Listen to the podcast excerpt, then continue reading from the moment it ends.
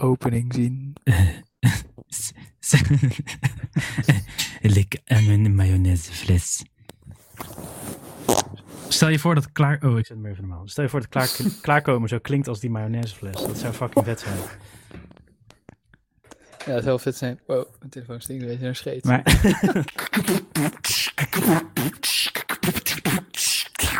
Poepkast! Fucking vet. Nou, Oh, jee. Rolf, poep van de week. Moet je ons niet voorstellen of zo? Of, eh, Ja, iedereen kent ons al, joh. We zijn gewoon eh, oh, ja, ja. Gevestigde namen. ik ben eh, Steven, de superspreader. Het wandelende super spreading event. Hey, je, mag, je mag wel een elevator pitch houden voor jezelf, als je wil. Nee, nee, dank je. Ik begin gewoon met de poep van de week. Want, eh weet het, eh, jullie kennen mij en de luisteraars inmiddels ook. Ik ben heel optimistisch. Ik hou niet van eh, klagen. Maar soms, soms kom je iets tegen in het leven wat gewoon, eh, wat gewoon helemaal, helemaal verkeerd is. Terwijl je er niks aan kan doen. En dan rest alleen maar klagen. Dus eh, waar ik het even over wil hebben, was eh, kalenders waarbij de week op zondag begint in plaats van maandag. Dat is echt gewoon dat is, dat is echt gewoon niet goed. En die fucking dingen. En in de app kan je meestal veranderen. Die apps staan meestal eerst verkeerd. Terwijl ik niet begrijp wie dus een week op zondag wil beginnen. Maar eh, ja, ik heb nou een papieren kalender hangen. Maar die hebben we al gekocht en eh, niet goed opgelet. De fucking week begint op zondag. Dus eh, we zitten iedere keer het Maar het is verkeerde... niet een Amerikaans ding. Dat is in Amerika een soort van... eh, Ja, weet ik niet. Het is wel een Nederlandse kalender. Maar in? Amerika Zo. begint de week toch ook op eh, maandag? Sowieso, zelfs in de Bijbel, ik bedoel, moeilijk kutboek, maar als u mij dan een keer gelijk geeft, ga ik er ineens uitlopen citeren. Maar zelfs in de Bijbel is het heel duidelijk, eh week begint gewoon op maandag. Ja, maar eh, volgens mij, ehm, Joden geloven dat eh, zondag de eerste dag van de week is. Waarom? en zij controleren... Ja, dat staat eh, in de... Nee, vrijdag is toch hun zondag? Zij lopen twee dagen scheef. Oh, dan zijn het misschien moslims. Je hebt een moslimkalender. zaterdag en zondag, dat weet ik eigenlijk niet. De, de Shabbat is toch op, eh, dat is op maandag. Ah, het is gewoon kut. Gewoon eh atheïsten en eh eh, seculiere kalenders moeten op maandag beginnen en niet op zondag. Ja, nou, eh, Maar dan zit dan je weekend dan door midden gesplit. Voor... ja, dit voor mij niet, maar op die kalender wel. Ja. Ja, ik vind het, ik, ik, je ziet het inderdaad wel eens in software dat hij op zondag begint en het is fucking irritant. En ik snap het ook niet, want voor wie is het logisch? Wel, welk deel, er is gewoon volgens mij geen werelddeel waar eh, de week, waar weekend niet een ding is, waar het niet bestaat. Ja, het, het heet het ook een dat het- weekend Ja. zelfs. Dus dat Weekeinde. moet wel aan het eind Maar het feit dat het blijft, dat het blijft bestaan, eh, doet mij wel denken, zeg maar, het is al honderden jaren dat, dat mensen lopen te klagen dat het weekend, eh, of dat de week niet op zondag begint. Maar toch, weet je, die shit wordt niet uitgeroeid. Dus dat betekent dat het wel ergens een soort van... eh, Ja, het is weer zo'n ding waar we het over eens zijn. Dus eh, beste luisteraars, Nou, ben of nou, ken je iemand hey, die nee. vindt dat de week wel op zondag moet beginnen? We, no- we nodigen hem uit in de poepkast Ja, nee, en we gaan wacht, drie wacht ik tegen ken niemand. Ik ben Oh, ja? ik ben Ik het, ken niemand, ik ben ik het ken niemand. met de stelling dat, jij, dat, dat ik het met je eens ben. Oh, dat is wel Maar Steven, jij, jij, jij, jij, jij wil Nou iets... ik ken niemand, maar kennelijk is het evolutionair geeft het wel een voordeel. Want als het niet evolutionair een voordeel gaf, dan was het al lang uitgestorven. Al die duizenden jaren dat we nu de week op zondag beginnen. Ik denk ook, want zeg maar, het is heel makkelijk om te zeggen... Evolutionair. ja, het geeft een of ander voordeel. En dat wij het niet begrijpen, ja, dat, Ja, ik denk- dat betekent niet dat het niet Nee, een maar dat voordeel is precies- ik ga denk, maar ik denk aan- niet dat ze in de steentijd een weekend hadden, maar goed, ja. Ga, ga maar aan een Amerikaan uitleggen dat feet en yards en zo achterlijk zijn. En, en dat... eh, Volgens mij is dat in Amerika een levendige Ja, nee, nee, discussie. maar... ja, al, Eh, eh, je hebt altijd een paar mensen die, die het licht ja, hebben van. Ja, in Engeland dachten ze ook dat het ze het nooit konden nee. veranderen, maar dat kan eigenlijk toch. En Maar misschien het is- ook met kalenders. Misschien is zondag dus... ja, ik zou Engeland niet als, als voorbeeld van een succesverhaal eh, met feet in yards en meters. eh, Nou, ze hebben het toch veranderd. Tenminste, het wordt nu. Dus je hebt, ja, ja, volgens de wet. Dus je hebt nu overal op elke, elke melkfles staat eh, one pint. En dan moet ik even nadenken. Ja, god, toen ze het in Europa veranderde... 1,3578993 eh liter. Omdat het van de wet moet zijn. Ja, maar toen ze het in Europa veranderde, heeft eh, in de 19e eeuw heeft ook eh, iedereen eerst eh 50 jaar gezeken. Maar maar heeft veranderd. Shit is al 20, 20 jaar aan de gang. Dat mensen zeg maar nog steeds aan het klagen. In Engeland klagen ze van, wat de fuck moeten we met die liters? Ik snap er echt geen fuck van. Ja, maar dingen door tien delen is ook is ingewikkeld. Ja, ik, ik weet. Het is een beetje, het is een beetje een top-down, bottom-up probleem, weet je. Het wordt nu van bovenaf opgelegd, maar het is niet organisch Ja. ontstaan. En weet je, shit die organisch ontstaat, moet je gewoon Als het waait, ga je je er ook respect voor hebben. En die, die- ja, precies. En die feet, die feet en die yards, dat is allemaal... Gaan ze eh, terug ja. veranderen als ze uit de EU zijn? Nou, dat was wel Echt? het statement van, eh, van, wat, van wat politieke partijen. Van eh, let's bring back the... Dat ja, zou wel de ultieme winst zijn. ja. Ik gun het ze. Ik gun het ze om de rest van hun leven dingen in pints uit te moeten drukken. Oké, nou goed. Ja, dus ik, ik, ik, kan niet met, eh, ik kan niet met Vita Yards werken, want ik heb, het, ik heb het nooit geleerd. Maar de mensen die met Vita Yards werken, zijn er echt laaiend enthousiast over. Ja, omdat ze, de, de- ze besnappen niet. Zeg maar, wat, wat ik wel ingewikkeld zou vinden, is dan hebben ze het altijd over quarter inch en zo. Want dat vinden ze Ja. logisch. Terwijl Vijf achtste. in milli- ja, precies, vijf achtste inch. Vijf achtste inch is gewoon een normaal ding. Wat? Ja, ja. Ja, ja, dat is zo'n maat. Ja, Ja. dat is een standaard maat. Dat je, waarschijnlijk is je microfoon 5 8 inch. Nou ja, goed. Ik denk, eh, ik ben Ben eigenlijk... moet je zeggen 0,625 inch. Dat schiet ook niet op. Maar ehm, Ik, zat, ik zat heel hard te denken of er een voordeel zou zijn aan op zondag de week beginnen, maar ik kan niks bedenken. ja, je wou het niet met me eens zijn. Maar ja, het, ik denk, het is goed zo. Ik ben wel erg opgelucht dat jullie er even naar wouden luisteren. dat je, dat je het kan uiten.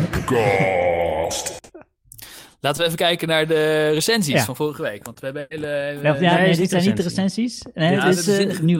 luister- Dit is de follow-up. feedback gekregen. Ja, ja, ja, ja, nee, nee, dit is follow-up. Dus niet de recensies van de poepkast zelf. Maar dit is eh, follow-up, een sectie waar we terugkoppeling geven over eerdere onderwerpen. Als luisteraars met nieuwe informatie komen of licht schijnen op eh, iets waar wij een duister tasten. Juist. En nieuw En, licht werd er eh, geschenen, kunnen we wel zeggen. Ja, er werd nieuw licht Ja. geschenen door Christian. Dus in reactie op de discussie van vorige week eh, had vriend van de podcast Christian eh, ook wat toe te voegen. En wat hij terecht Nee. aangeeft, eh, is dat je vierkante noedelblok in zijn geheel in een kom kan doen.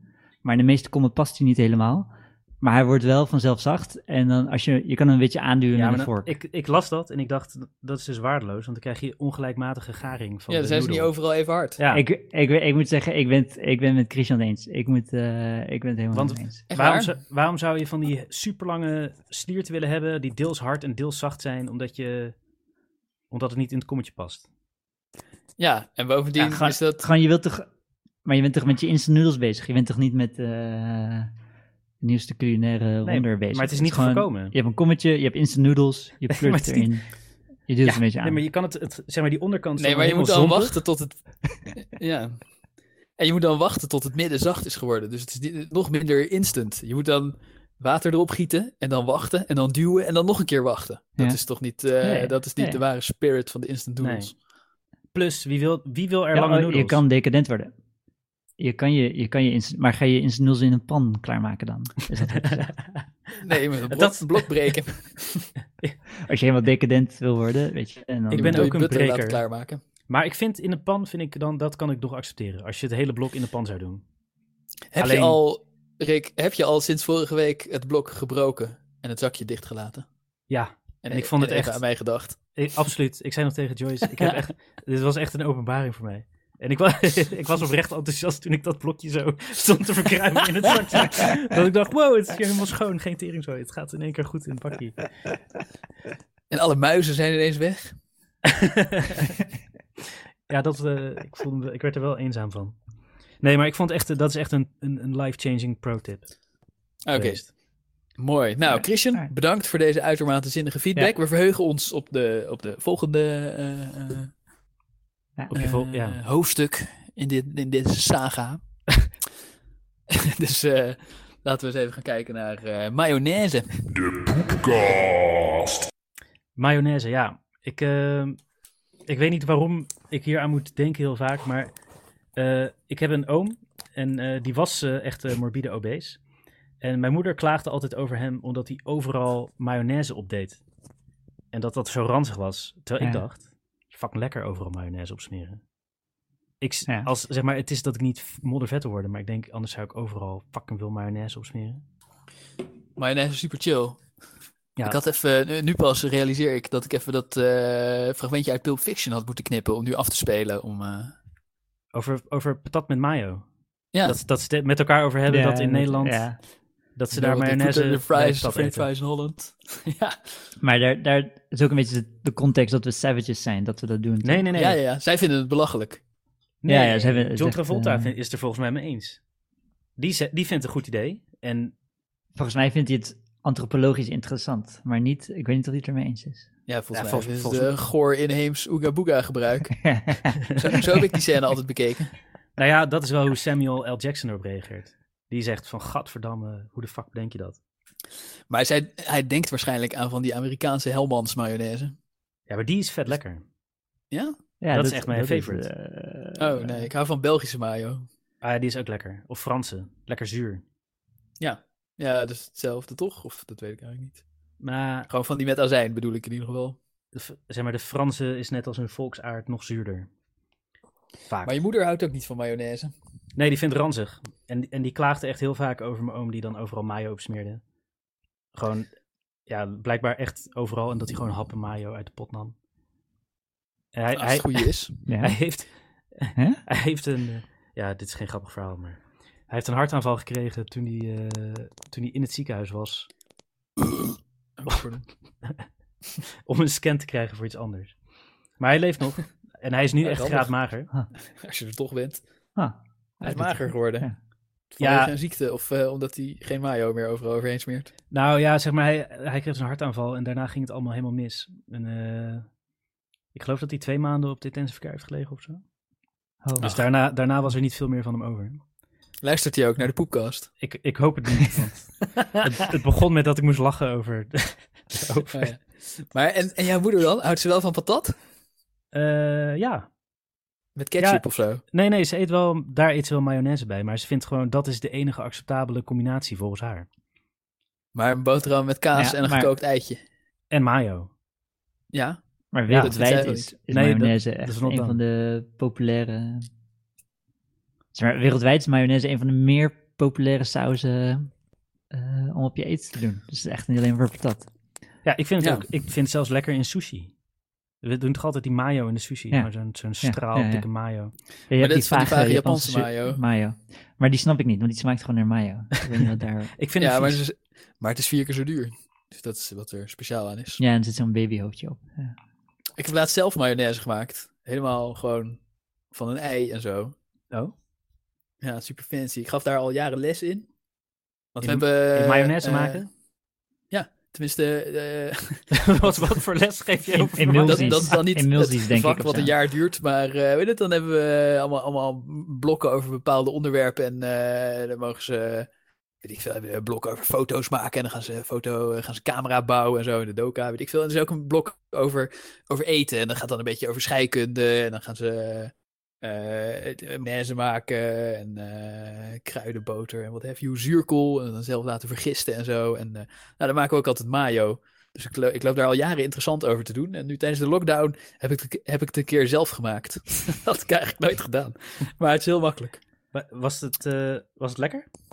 Ja, ja echt super lekker. Beter dan uit een pot. Nee, maar het is ook best een bijzonder product. Het is ook best... dat je gewoon die, die, die, wat is het, drie Hoe- ingrediënten ja, hoe maak je dan elkaar Geef ons eens even les. Ja. Nou, let op, hier komt het geheime recept. Je neemt een eh, ei en dan sla je het door midden alsof je een spiegelei gaat maken. En dan eh, eh, eh, boven de gootsteen giet je het een beetje heen en weer. Dat je zeg maar, eh, dat, je dat eh, doorzichtige shit helemaal over je handen heen krijgt. En dat het geel overblijft. Ja. En dat doe je in een bakkie. En dan eh, doe je er een scheutje slaolie bij. Dat is eh, sojaolie, maar het heet slaolie om de een of andere reden in de supermarkt. En eh, dan moet je klutsen met zo'n garde. En dan Ja. doe je weer een scheutje slaolie. Aha, aha. En dan weer klutsen. En dan weer een scheutje slaolie. En dan weer klutsen. En Ja, dat ga ik nu niet 30 keer achter elkaar Maar- zeggen. Maar dat, dat is het hele recept. Hè? Nee, er moet toch mosterd in? En azijn? Ja, en- oh ja, en mosterd. Ja. Nee, eh, En azijn kan- is eh, optional. Dat had ik er wel bij gedaan. Maar dat hoeft niet. Dat is Maar lekker toch? azijn is... eh, Nee, azijn is Nee, niet ja, ik optional. ben, eh, inderdaad. Hoort. Moet. Nou, volgens dat recept wel, maar ik had er wel bij gedaan in ieder geval. en die kinderen die doen er ook vaak suiker doorheen, maar dat heb ik niet gedaan. Wow, oké. Dat zit in, kan dat ook zit in fabriekmayo met ook gewoon. of zo. Ja, waarschijnlijk wel. Ja. Ja, Maar ik had, wel, eh, ik had er wel azijn bij gedaan, inderdaad. Maar het is een hele, hele fascinerende scheikunde. Dat, want het kan gaan schiften en zo. Eh, ja, ja, als je te lang door. nou, klutst, emulsies, emulsies op zich zijn best wel vet. Want ze, weet je, is het nou Emulsies een zijn best wel of niet? Weet je? Ja. Wat fuck is een emulsie? Alle alfa's die zitten te luisteren, wat fuck, zoals Rick bijvoorbeeld. Emulsie is, eh, je hebt allemaal eh, bij eten, dat gaat dan dat hele blok ook over, heb je allemaal, eh, als je twee dingen door elkaar heen eh, flikkert, dan heb je, zeg maar, je hebt echte mengsels, zoals je, ik veel, als je eh, suiker, water en Ja, zoutwater ik, door eh, elkaar pleurt. Ik vind dat je een beetje chargeert door het echte mengsels te noemen, maar... Ja, nee, want dan zijn ze helemaal gemengd. Tot op het moleculaire niveau. Als je, als je zoutwater Ja. en eh, suikerwater door elkaar heen roert, dan heb je gewoon. Oké, dan, Oké, maar emulsies zijn ook echt. Ik wil, dat wil ik gewoon zeggen. ja, dat klopt. Maar ze zijn in de, in de chemische zin zijn ze niet gemengd. Want een emulsie is allemaal drupjes van de ene vloeistof in de andere vloeistof. Maar dat als je gaat kijken met je, met, met je gewone lichtmicroscoop al, dan zie je waar de ene vloeistof zit en waar de andere vloeistof zit. En bij, bij een echt, echt, het, echt eh, mengsel niet. Ja, het is het pantheïsme van de... Maar gaat het dan ook- Van de culinaire Gaat het weer sector. op elkaar drijven als je mayo lang genoeg laat staan? Gaat vet dan weer Nee, op de... dat is mooi, want ehm, het is, eh, daar is die eidooier voor, dat is een eh, emulgator. En eh, ik heb het ergens opgeschreven. Die shirt erbij pakken. Want die, eh, de eidooier dat bestaat uit eh, moleculen die dan, zeg maar, zo, zoals zeep. Dat met, met een geladen kopje, wat goed in water oplost. En een, een, een, een apolaire staart die goed in olie oplost.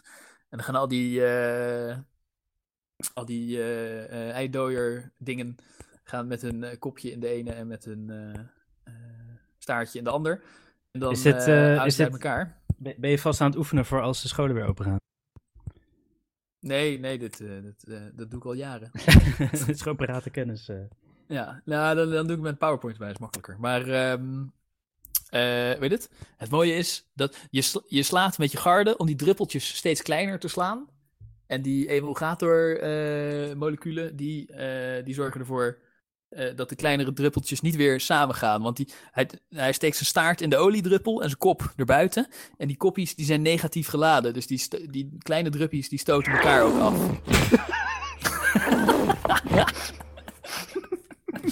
Gadver. ik, ik zit me, in mijn hoofd zie ik een soort spermatozoïde de, Ja, dat klopt, de emulsie fucken en dan... Ja, dat is een redelijk accuraat beeld, maar dan met twee staarten. Hebben jullie vroeger ook, want we hadden vroeger zo'n seksuele voorlichting videoband. Waar kom ik vandaan? En die gingen, we, ja, die gingen we dan altijd kijken, met z'n- want dat vonden we heel spannend. En dan gingen Wie zijn met- wij? Thuis? Of Ja, met allen. of wat? Eh, thuis? Nee, Thuis. ja, we hadden videoband thuis, ja. Waar kom ik vandaan? En dan ging ik met mijn Ja, broertjes en zusjes, gingen we dat kijken. En dan zag je ook wel allemaal spermatozoïden door een soort gang zwemmen. En dan deden ze een zwemwedstrijd. En dan de winnaar, die mocht in het eitje. We hebben, als, eh, we hebben hier thuis als ehm, verdekte eh, term voor heteroseksuele copulatie, als we het daarover willen hebben, waar de kinderen bij zijn, dan hebben we het over je eitjes laten schrikken. Zal ik straks je eitjes even laten schrikken? moet, moet ik aan denken bij dit beeld van de spermatozoïden die door die tunnel heen zwemmen naar het eitje toe. Maar anyhow, Want je, je bent bang dat als je zegt, zullen we even neuken, dat de kinderen het begrijpen. Nee, ik denk niet dat ze het begrijpen, maar ik Ja, denk dat ze het gaan niet, herhalen op de crash, als het ware. maar als ze gaan zeggen, En dat zal- die, dat, die, dat die juf van de basisschool het dan begrijpt. maar denk je dat als die, als die tegen de juf gaat zeggen, zal ik even je eitjes laten schrikken? Ik- Dat, ze, dat ze dat niet begrijpt. Hé, hey, eh, juffie, eh, juffie, zal ik Ja, even dat risico accepteer ik. Het is minder erg dan, eh, dan als hij zegt, zal ik je straks even lekker neuken. Maar het ligt ook aan hoe die het zegt. Ja, inderdaad. Maar het ligt er ook aan hoe ik het zeg. Ja. Maar het is niet dat we dat nou, eh, Ja, ja. dat we nou tijd hebben om eh, iedere week te neuken. Dus eh, het is ook niet eh, dat het daar non-stop over gaat. Maar het is handig om termen te hebben. Als hij nou zou zeggen, zullen we copuleren? Zou je dat wel, zou je dat wel acceptabel vinden? Ik zeg ze, ja, laten we even naar het kopieerapparaat gaan.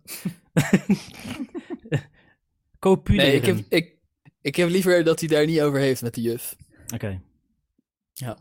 Eh, eh, ja, het beetje oldschool. eh, beetje Eh. ba- babyboomer mentaliteit. Nee, ik heb juist hele moderne angst dat zij dan allerlei instanties gaat inschakelen. dat gelijk. Hashtag MeToo met een kleuter.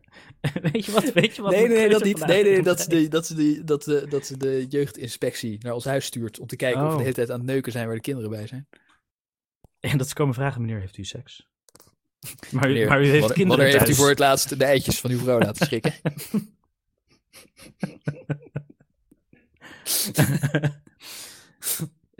ik vind het wel... Zeg maar, ik zou geen zin meer hebben als die vraag gesteld wordt. ja, maar ik heb er getraind. Dat was ook eerst zo. Oké, ze, is er- er overheen gegroeid. Ja.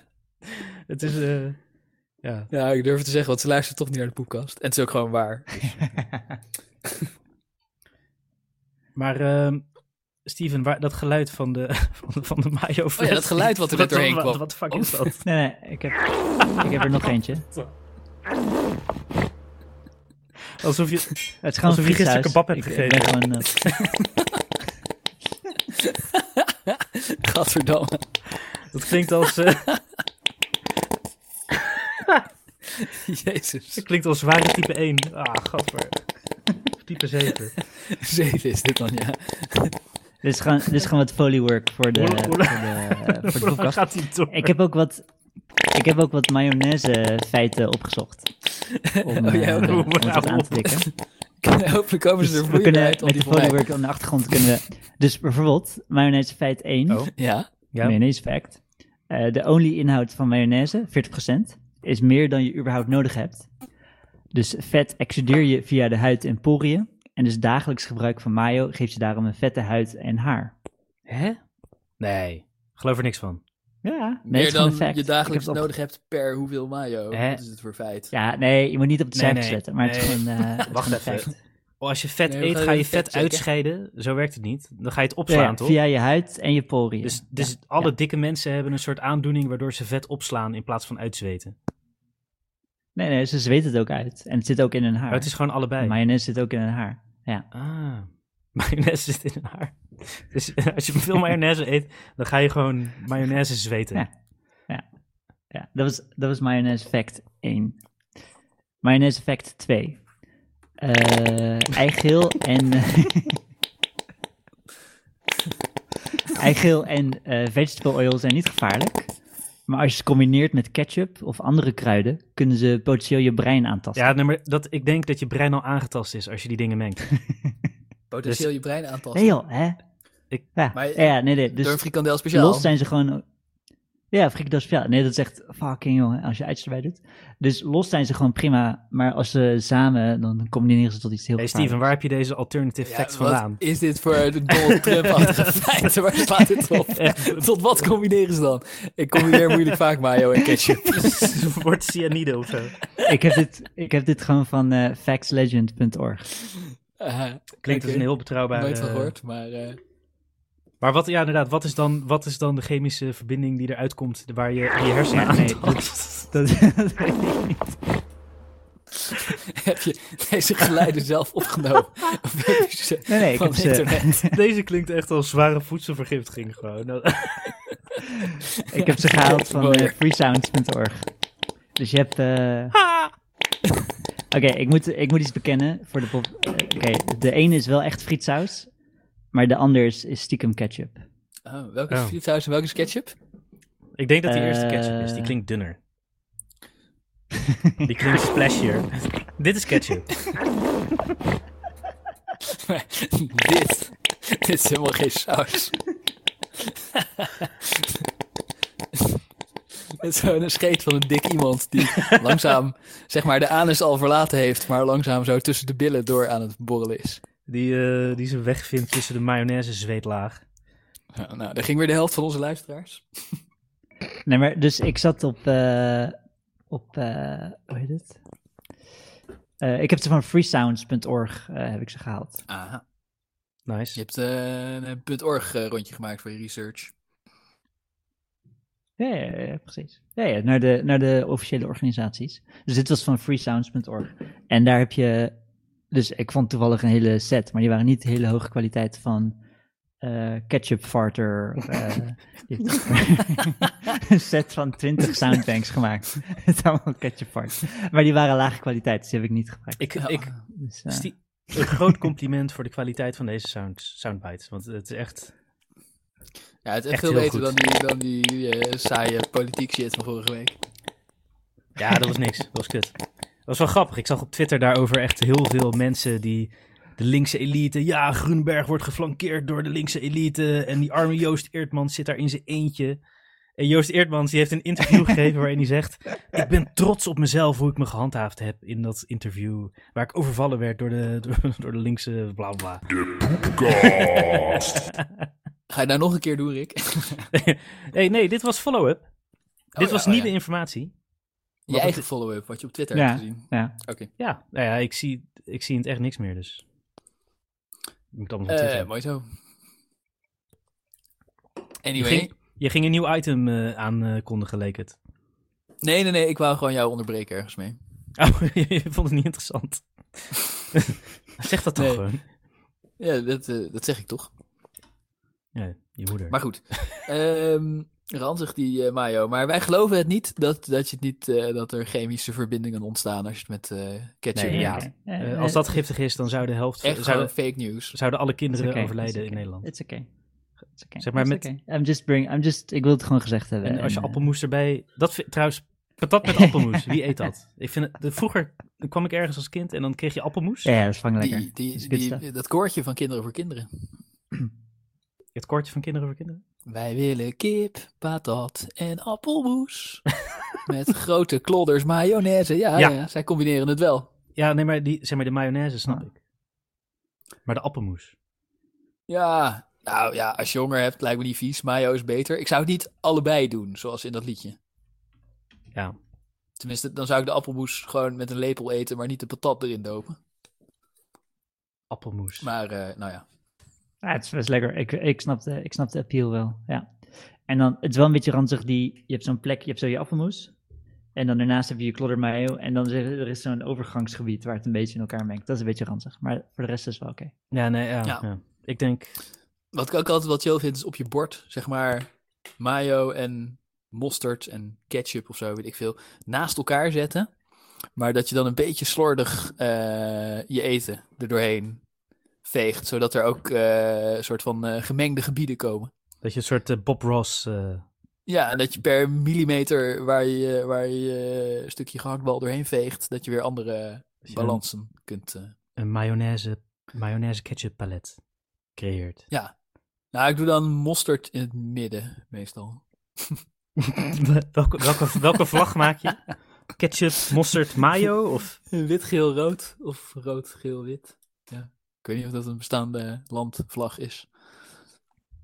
Maar aan het eind ziet het er gewoon uit als eh, de, de Bataclan. eh.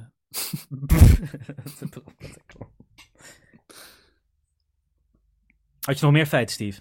dat knippen we er maar uit. Oh ja, Nee, twee, twee feiten lijkt me genoeg. Dat is genoeg eh, minds blown voor één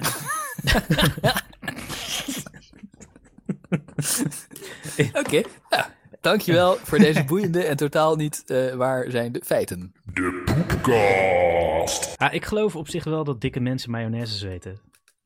Sorry, ik wou er nog, nee, wou er nee, nog even nee Maar dan- soundbites geweest. Weet het onderwerp is afgelopen. Nee, is goed. Dan zweten ze vet in het algemeen, zeg maar, niet per se van mayo, lijkt me dan toch. Dat, dat, dat beweert dit feit ook niet. Ja, precies. Is, Ja. De, is de regel dat na de poepcast eh, eh, dat je niet meer mag beginnen over het vorige onderwerp? Nee, joh, want ik ben veel te trigger happy met dit Ja, knopje. Natuurlijk mag dat. is, eh, Ik wil ook nog iets zeggen over dikke mensen. Oh. Ik had laatst bedacht, de, ehm, misschien ben ik niet de eerste die het bedenkt hoor. Sorry als ik iemand zijn idee... maar ik heb het zelf bedacht. De corona-gevoeligheidsindex. Dan moet je, je je leeftijd en je gewicht gewoon in jaren en in kilo bij elkaar optellen. Ja. En als het onder de 140 is, ben je immuun.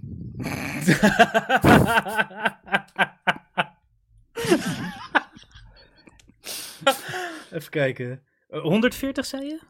Ja, Oké, dus je leeftijd en je hoe- gewicht. hoeveel weeg jij, Rolf? Wat? weet ik veel, eh 70 of zo. En je gewicht in kilo's? hè? Niet je BMI. Of in? Ja, 70 kilo. Nee, niet eh 70 eh ons. Oké, dus dan zit, je, zit jij op 100 punten ongeveer. Nou, ik ben En, 36, eh, dus eh, ja. Ik weeg 75 kilo. En de, ik dus ik, ik zit op 105. Ik, maar ik zit even te- Eh. stel, stel dat je 70 bent en je weegt 70 kilo, dan kom je dus maar net over het randje. Terwijl, Ja, ja, want dan ben je dun, toch? Tenminste, Eh, 70 kilo. Ben je een beetje normaal. Ja, maar als je 70 bent, heb je wel een hoog risico. Ja, nee, niet volgens de corona-gevoeligheidsindex. Oké, nou ja, dan is het goed. ik, ik geloof het. Ja, nou, mooi.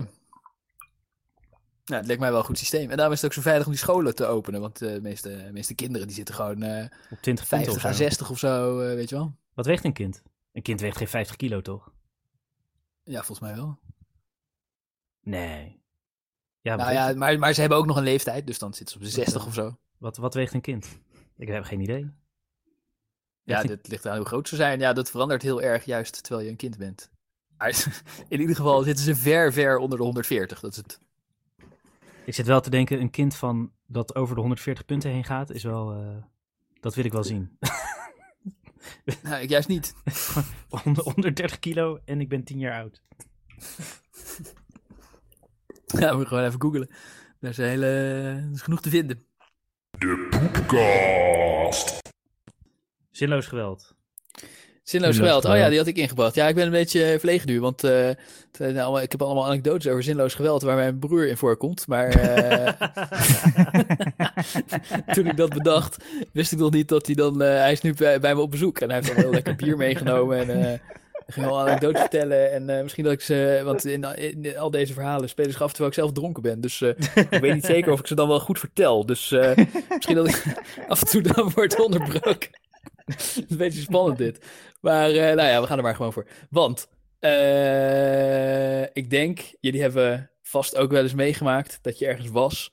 En je was eh, dronken en je was een gesprek aan het voeren met iemand anders die ook dronken was.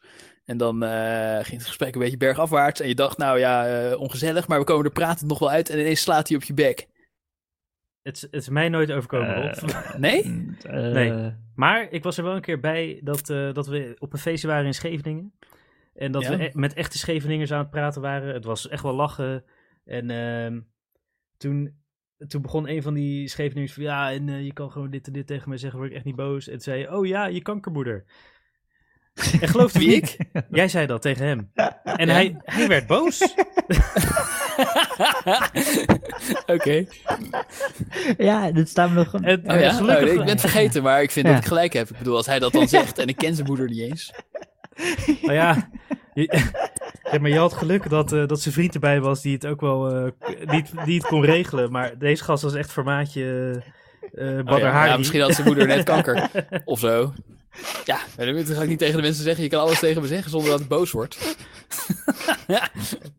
ik, ik was dit helemaal vergeten, maar ik geef mezelf gelijk. Maar zulke situaties heb ik dus soms gewoon. Ja, en dan nou willen ze me ineens snap- slaan. Of ze doen het zelfs echt. Wat, wat ik bedoel is, ik snap dat jij dat meemaakt. Ja, maken jullie dat echt niet mee? Dat je Ik gewoon heb- het ergens over hebt en dat je denkt, joh... Ik, heb, eh, ik heb het oprecht nog nooit meegemaakt. Het valt met praten wel op te Nou, lossen, ik- maar ze beginnen ineens te slaan. Niet dat, niet dat mensen me gaan slaan, meer dat mensen ineens eh, me grappig vinden terwijl ik gewoon serieus was. Maar dat je, dat je probeert om uit te lokken dat ze je gaan slaan, maar het lukt niet. Nee, nee, nee probeer, dus ik, ik zit gewoon saai te praten of zo, maar dan, eh, dan vinden ze het ineens grappig. Of zo, ja. Ah, ik heb Weet- wel een weet- dat, eh, niet. nou ja, dat mensen me echt houden slaan, maar ik hou helemaal niet van vechten. Ik ben Ja. heel eh, vredelievend, pacifistisch persoon. Maar ik weet ook nog een keer bij de piratenbar zit allemaal van die antifa en dat ze dan, die, zijn, dus- die zijn tegen fascisme. En die hebben dus allemaal van die stickers dat ze zo- dat ze zo'n hakenkruis in de prullenbak gooien, weet je wel? Ja. En Ja. eh, ze hadden een fucking grote muurschildering van een hakenkruis met een streep erdoor. Een soort hakenkruis verbodsbord.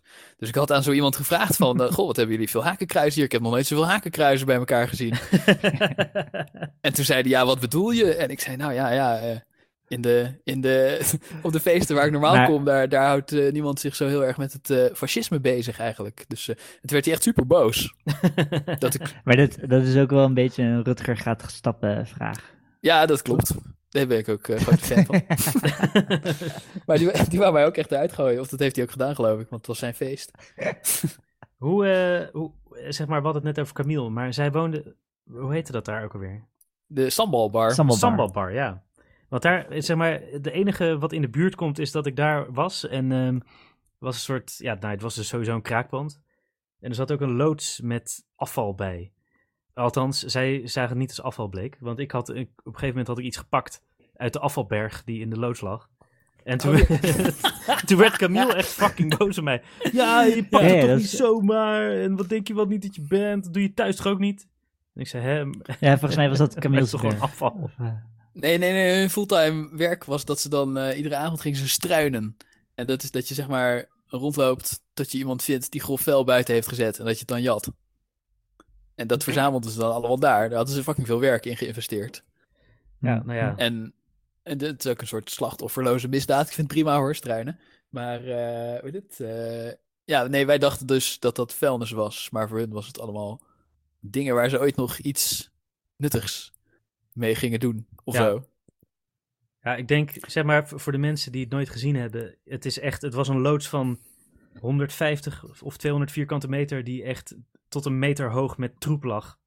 Ja, ja, maar er woonde daar toch ook die ene gast, hoe heette die? eh, Vincent. Herbie. Vincent. Die, Die, ene die zeg maar van vuilnis een huis had gebouwd. Ja, binnen ja, in ja, dat huis. ja.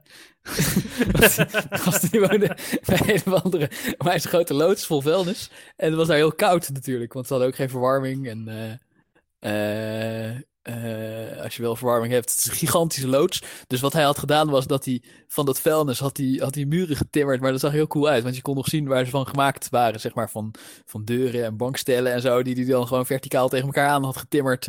En matrassen er tegenaan en alles. En die had een kamer daar midden in dat vuilnis gebouwd, van dat vuilnis. Ja, en die kamer was ook super netjes, weet ik nog. Het was echt een, een perfect en, van buiten, kamer. en van buiten was het iets uit een van de eh, futuristische anime eh vuilnis eh, monster shit. Ja. En daar moesten we al een beetje van lachen. En maar toen kwamen we aan de binnenkant. Maar aan de binnenkant had hij het zelfs behangen of zo. Ik weet niet meer. Ja. Had, hij, had hij echt heel netjes afgetimmerd. Ja, het, het zag er, Dat is het best wel zag er strak indrukwekkend. uit. Ja. Ja, precies. nice, nice. Dus dat vuilnis was wel iets. En aan de buitenkant was het echt, over- echt met fietswielen er tegenaan. Pallets, ja. het was Spectaculair. Maar over zinloos geweld, ik weet, ik heb niet zoveel zinloos geweld meegemaakt. alleen maar zinvol. Ik weet nog wel in Utrecht. Heb jij iemand een keer op zijn bek, ge, bek geramd omdat hij Arik lastig viel? Dat was in Delft. Denk ik. Delft, sorry. Ja, dat klopt. Ja. Nou, maar dat was wel, ja... Dat was Nee, zinvol ja, dat geweld. Nou, ja, weet ik veel. Zinvol, zinloos, dat is altijd. Maar er was. ehm, eh, het, het, is wel waar dat ik eerst sloeg. Dus het, als iemand anders eerst slaat, dan vind ik het altijd wel, eh, vind ik altijd wel grappig. Maar dat, dat vind ik dus een beetje gênant. Maar, maar hij had het er wel naar gemaakt. Want het was een feest in Delft in een studentenhuis van mijn broer die naast me zit. En eh, er waren daar. eh, in die, bij die, Schultebrouw. Oh ja, opeens weet ik Ja. het weer. Daar was ik gewoon bij. Ja, dat was zinvol Ja, ja, geweld, dat bij. Was, dat was absoluut zinvol geweld, ja. oh, ja, Nou, dank je voor deze eh, mental support. Die gast, Hans die Ik volgens nog niet knikken of schudden. Maar eh, bij, die, bij die Delftse studentenfeesten heb je, heb je wel vaker dat er meer mannen zijn dan vrouwen. Dat is een fenomeen in Delft. En dat, dat geeft niet. Dat is iets wat een beetje bij Delft hoort. En eigenlijk was daar heus niet de enige vrouw. Maar ik had helemaal uit Den Haag had ik mijn vriendin meegenomen. En er waren ook andere vrouwen. Maar naarmate de avond vorderde steeds minder.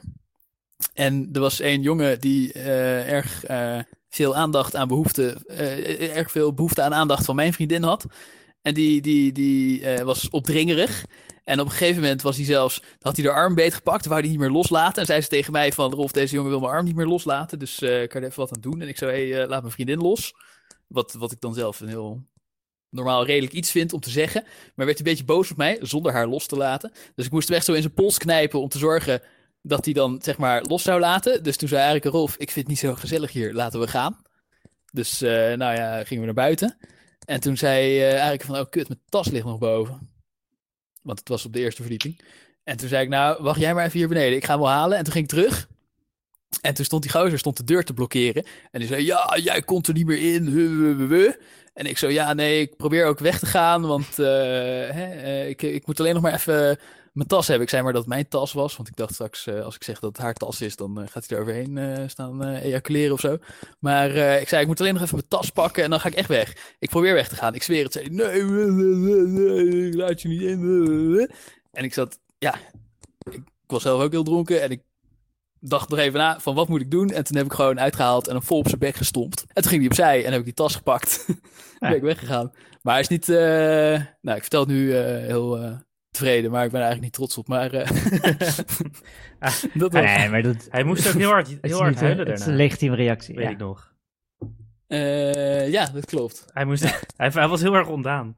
Maar hij was ook echt... Hij was echt zo irritant. Ja, hij was wel echt vervelend, maar Hij hij had mij niet geslagen. Nee, ja, oké. Maar ik kan me ook nog een keer herinneren dat... ehm, ik zal geen namen noemen in dit verhaal, want dat kan echt niet. Maar iemand eh, die was eh, heel vervelend op een bepaald festival... en die ging toen met een rubberzwaard iedereen op zijn bek slaan. En op een gegeven moment... eh, Iemand- al eerder anekdotes over zijn Ja, voorbij ja. gekomen. en zeg maar op een gegeven moment begon hij iemand zijn spullen te slopen. hij heet Jasper. We kennen een heleboel Jaspers. wij, we zijn geboren in de jaren 80. En iedereen die in de jaren 80 geboren is, die kent meerdere mensen die Jasper heten. Het is gewoon, maakt niet uit. Het is niet, niet te traceren. Nou ja, Jasper dus, ja? Maar die, eh, op een gegeven moment eh, begon die iemand eh, aan te vallen en zijn dingen te slopen. En toen kreeg hij een klap op zijn bek. En toen dacht ik ook alleen maar van ja. Ja, van Sjoerd. Ja, die had toen hetzelfde. Dat herkende ik toen, want dat was na dit verhaal in Delft. zinvol geweld. En Ik Sjoerd heb, die dit, geneerde zich een beetje. ik heb dit festival Nee, gemist. Dat was Rolf. kunstknapen. ik probeer dit anoniem te vertellen. Nee, maar ik geef Sjoerd Ja, gelijk. we kunnen het En we, we kennen ook meerdere mensen die Sjoerd heten. Maakt niet uit. Oké. Ik zal er deze keer geen achternamen bij zeggen. Oké. Maar en bovendien vond ik dus ook dat hij hem terecht op zijn bek had geslagen. Iedereen wou hem op zijn bek slaan en uiteindelijk deed iemand het. Ja. Ja, het was, er zaten ook een paar hippies bij het kampvuur die een soort verontwaardigingen doen van ja, hé, hey, dat kan toch niet, kun je niet maken. Maar zelfs zij, eh, ze, deden het meer voor de vorm dan dat ze het En echt geloofden. bovendien, bovendien had Jasper eerst geslagen. Maar dan met een Ja. soort rubberen zwaard Ja, of zo. klopt, maar wel ja. echt 50 Ah. keer. Ja, Ah. Dit was de kunstknapen waar ik niet bij was, denk ik. Ja, was leuk. het, eh, Ja, ja dat is een legendarisch. Ik heb gehoord dat hij legendarisch was. hij ja. was, Ja, hij die was- waren allemaal legendarisch, toch? ja, ja, het was een hele leuke, dat zeker. En ik heb ook een keer iemand anders eerst geslagen. een soort biecht. Een soort biecht. Ja, een soort biecht. Nee, nee, ik, eh, nee, wacht, dan kom ik weer over als zo'n agressieve debiel. Toen had ik ook gelijk, maar ik zal een verhaal vertellen waarin ik eerst werd geslagen. Want eh, we zaten Ja. een keer de trein terug, nachttrein. Nou, in een nachttrein is het echt heel makkelijk om geslagen te worden. Dat, eh, dat weet iedereen die er wel eens in heeft gezeten. Ja, Allemaal agressieve ja. mensen die op zoek zijn naar iemand om te slaan. En dat, je, dat, dat, dat bijna iedereen doorheeft van oké, eh, ik moet hem geen aanleiding geven, maar als ik hem wel een aanleiding geef, dan gaat waarschijnlijk de halve trein mij helpen om in elkaar te rammen. Maar ik, ja, waarom zou ik diegene zijn? Maar ik moest naar de Ja. wc, dus ik ging naar de wc van de trein. Maar ik was, ik was Oh ja, echt intens dronken. Dus ik probeerde de deur open te doen. Maar eh, dat lukte niet. Dus ik dacht, nou, eh, die is bezet. Dus ik wacht wel even. En toen eh, ging ik daar zitten, in de buurt van die wc. En er waren daar ook wat agressieve hangjongeren. En die, die zaten een beetje raar naar mij te kijken. Maar ik dacht, ja, oké, whatever. eh, ik moet gewoon pissen. En ik, ik bemoeide me verder niet met ze. En toen kon je nog niet op je telefoon kijken, want dan kon je alleen maar je sms'jes lezen of zo. Maar dat, dat was nog niet een, een manier om jezelf een houding te geven. Dus ik ging daar gewoon een beetje zitten en om me heen kijken. Maar eh, ik zag al dat ze met me wouden vechten. Maar, eh, ja, maar ja, ik moest echt heel nodig pissen. En toen kwam er iemand langs en die ging naar de wc. Dus zo die deur open ging erin. Ik dacht, huh, wat gebeurt hier? Dus, eh, en die gasten zaten ook al te kijken van, wat de fuck is dat? En toen was die ander klaar met pissen en die ging weer weg. Dus toen dacht ik, oké, nou ja, ik ga maar pissen. En dus ik pissen. En, en toen had ik gepist en toen kreeg ik de deur weer niet open. En toen dacht ik, eh, toen ik naar buiten probeerde te gaan, ik dacht, Jezus, wat gebeurt er allemaal hier? Maar toen waren ze dus de deur dicht aan het houden, want het leek zo'n grappige grap.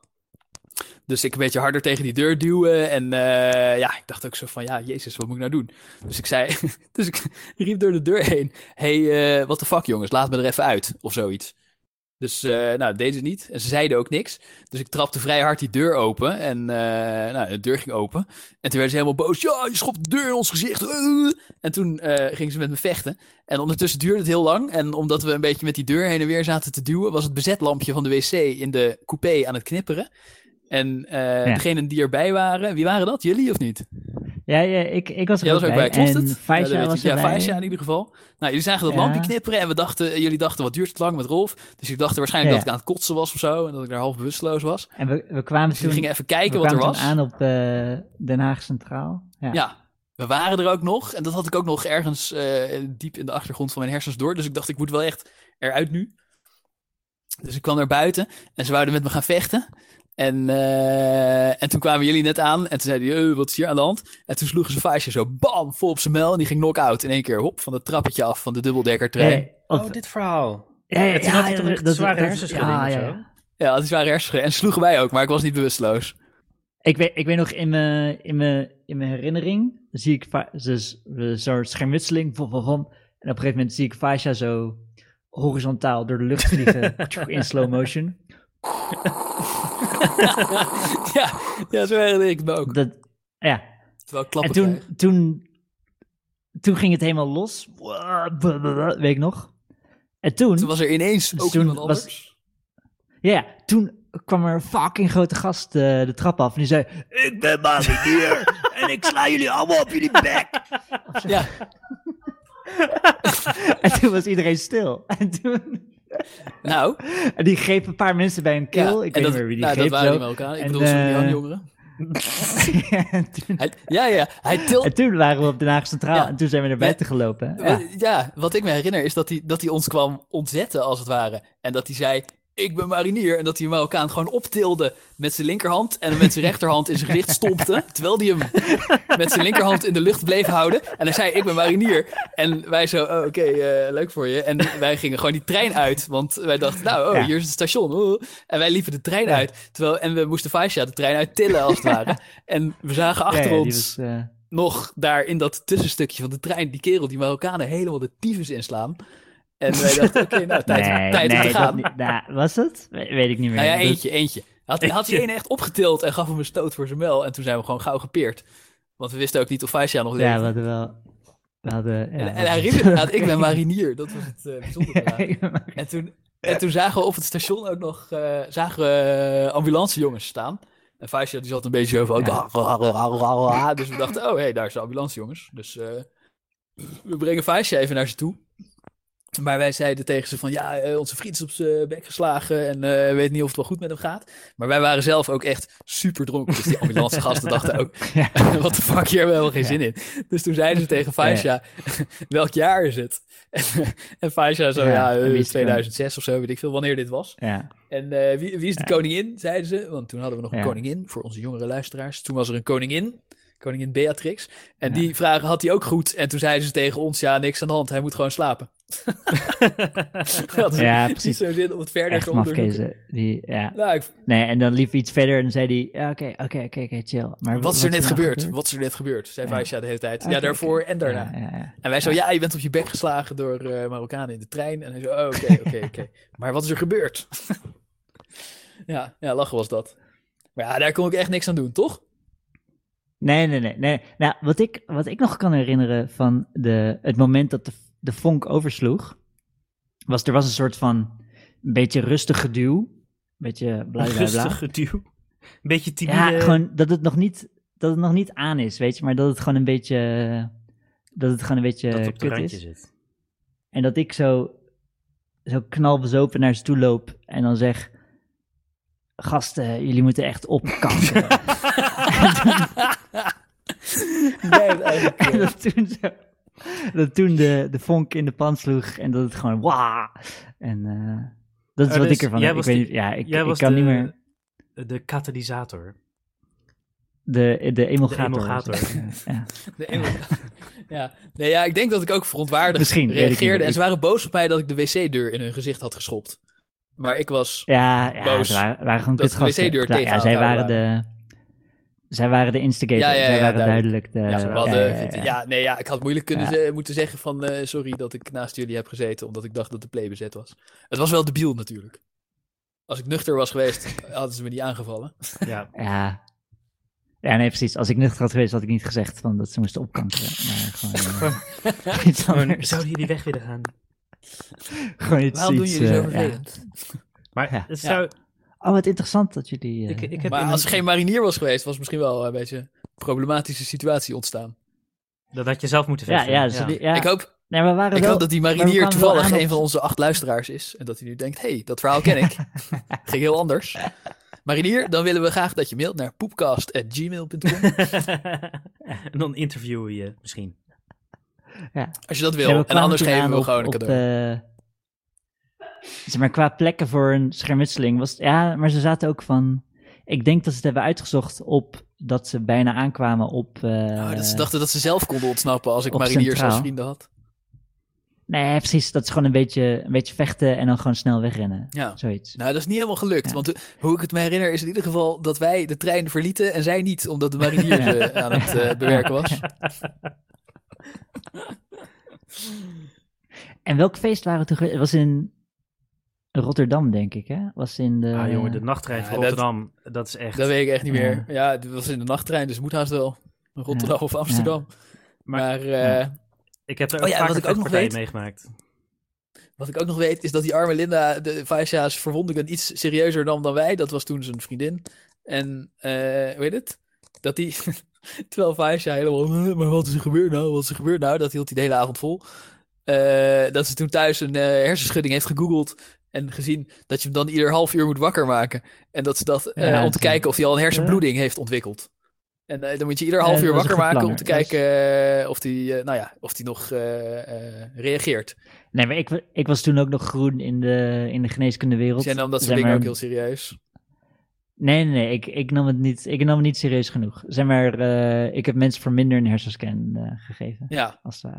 Nou ja, maar hij had wel Dus, harde eh, klap gehad hoor. Maar eh, tenminste, ik wil niet hersenbloedingen bagatelliseren, maar weet het? nee. Linda, Linda heeft geprobeerd om ieder half uur wakker te nee, maken. maar- dat lukte niet. Maar dat kwam omdat hij gewoon heel, heel, heel erg dronken was. sowieso. Dus dat is helemaal niet makkelijk om iemand dan ieder half uur wakker te maken. Daar deed ze ongeveer een half uur over. En dan moet je ook nog kijken, zeg maar, of die, of die vragen kan beantwoorden en zo. En hij, Ja, hij zat helemaal van, hou alsjeblieft op hiermee. Eh, ik wil gewoon slapen. En Ja. ja, nee, dat, is, dat valt allemaal nog niet mee. Nee, precies. Nee, maar als er iets aan de hand was, dan had ze het wel doorgehad hoor. Dan eh, eh, had ze wel aan de wel kunnen trekken. Dus nee, ik ben het, helemaal, ik ben met Linda eens. Ja, Mooi. goed gedaan, Linda. Goed gedaan, Linda. Ja, vind ik ook. Two thumbs up. Sowieso. Gelukkig dat ik hem niet ieder half uur wakker hoefde te maken. Ja, en voor Vaisje was het chillen dat hij niet naar het ziekenhuis hoefde. Zeg maar, want, want achteraf bleek er niks aan de hand te zijn. Nou ja, dus, eh, hersenschudding heeft hij wel lang last van gehad, toch? Dat weet ik niet precies. eh, Je- ja, dat weet ik wel, weet ik eigenlijk wel zeker. Waarom? Nou Ja, hersen- van die, het is best wel kut, nek- hersenschudding. hij had van die nekklachten en zo, maar dat was van iets anders. Ja, maar dat, dat, ik, weet, ik weet het nog wel. Hij had hier echt eh hersenschudding, heb je gewoon een paar maanden last van. Oh, sorry Vaasja, dat ik je hersenschudding niet eh, serieus genoeg heb genomen. Maar ik heb ook een keer meegemaakt in de nachttrein dat... Ik zat, eh, ik zat ook op zo'n tussenstukje bij de deur, want dat is het veiligst eh, in de hele gevaarlijke nachttrein. Want dan kun je En- tenminste bij stations vluchten. Je kan toch beter in de coupé zitten, want dan kunnen allerlei medereizigers je helpen. Ja, nee, maar in, de coupé zitten altijd mensen die, die link worden. Ik heb, ik heb te vaak gezeik meegemaakt in de, in de nachttrein. Maar eh, toen, was er, toen zat ik dus in het tussenstukje en ik zat gewoon op mijn telefoon een beetje appjes te sturen of zo. En naast mij of, stond een eh, stelletje te praten en eh, de deur ging open op Delft. En er komt een gast naar binnen en die begint gewoon gelijk, die doet te mappen. Wie is er aan het pissen? wow. Ik. Hoor je dat? Dat horen we echt heel goed. oh, sorry. ik dacht, ik zeg even niks, maar... eh, ben je echt aan het pissen? Ja? Oké, ik dacht dat je gewoon een biertje aan het inschenken was.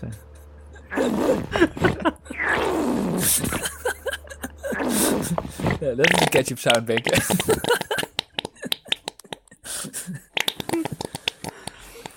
Dankjewel dat je mijn scheetjes even hebt eh, gemaskeerd. Ah, ik dacht, ik geef je wat extra, extra diepte, diepte aan je wc-ervaring. Ja, sorry, je zat in het tussenstukje van de nachttrein. Ja, ja dus eh, de deuren gingen open op Delft. En er springt een gast naar binnen en die begint gelijk die dude te mappen die naast mij stond in de, in de coupé. En eh, Oké. het waren niet... Het, ze dus kenden elkaar. nee, ja, het, ik, het was super random. Want de deur ging open en, ze eh, en die dude begon te vechten. En eh, nou ja, ik, ik, ik zei wel, ik, ik probeerde er iets aan te doen, maar ik ben niet super groot. Eh, dus het schoot niet echt op. Maar op een gegeven moment kwam er ook een soort. Een beer van twee meter. Die kwam uit de coupé naar boven rennen. Die pakte die gast op die op het station stond. Die pleurde hem gewoon terug het perron op. En toen gingen de deuren weer dicht. en toen was het opgelost. Dat is wel iets in die nachttrein dat van die mariniers aanwezig zijn. Ja. Die dan eh, Ja. toevallig gewoon naar huis aan het gaan zijn. Maar eh, die dan even streng doch rechtvaardig optreden. Ja, Dan denk ik, oh, dit is mijn moment. Oh, Ja, eindelijk. Ik de te wachten. Ja, ik heb wel eens in de nachttrein gezeten van Amsterdam terug. En het was een hele volle nachttrein. Was al om eh, twee uur s'nachts of zo. Die zijn altijd best wel druk. En eh, dus iedereen zat. En ik ook eh, met, met drie onbekenden in een viertje. Want ik was ergens geweest waar, bij Amsterdammers. En hoe heet het? Toen kwam er iemand binnen.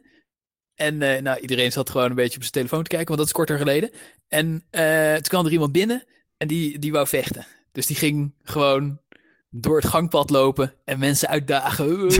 en eh, rare dingen tegen ze zeggen. En eh, zich als een algehele... Ik denk, ik denk dat hij aan de, aan de crack was, of weet ik veel wat. Dat kan ik niet helemaal duiden. Maar hij, hij was niet nuchter, maar eh, ja, die wou echt gewoon vechten. En het was wel grappig. Dat vond ik wel een... ik voelde me daar heel. eh, ik kreeg een gevoel van saamhorigheid door. Ik voelde me juist extra veilig. Want wat je zag gebeuren. Die aan het begin van de coupé begon. En die eerste mensen die dachten wel van. Oh, kut, die kregen een onveilig gevoel van. Maar wat je zag gebeuren is dat iedereen in de rest van de coupé elkaar aan zat te kijken. Van oh, oké. nou, als hij gaat vechten, dan slaan we in elkaar. Ja? Ja. En ni- niemand zei iets. Maar je, je zag gewoon iedereen zijn blik. En ik keek ook zo naar iedereen. Van oh, oké. Hij, begon, ook bij een paar meisjes of zo. En je zag iedereen kijken van oké. S- we schoppen hem helemaal de kanker in als hij iets doet. dat was wel lachen. Maar hij ging de hele coupé door. En hij heeft het echt bij meer dan tien mensen geprobeerd. Maar niemand had er zin in. Dus toen, eh, nou ja, toen is hij gewoon doorgelopen naar de volgende coupé ook echt of zo. maar dat was juist wel, eh, ik, eh, voor mij was dat een positieve ervaring. Jullie waren een heuse lynchmob al.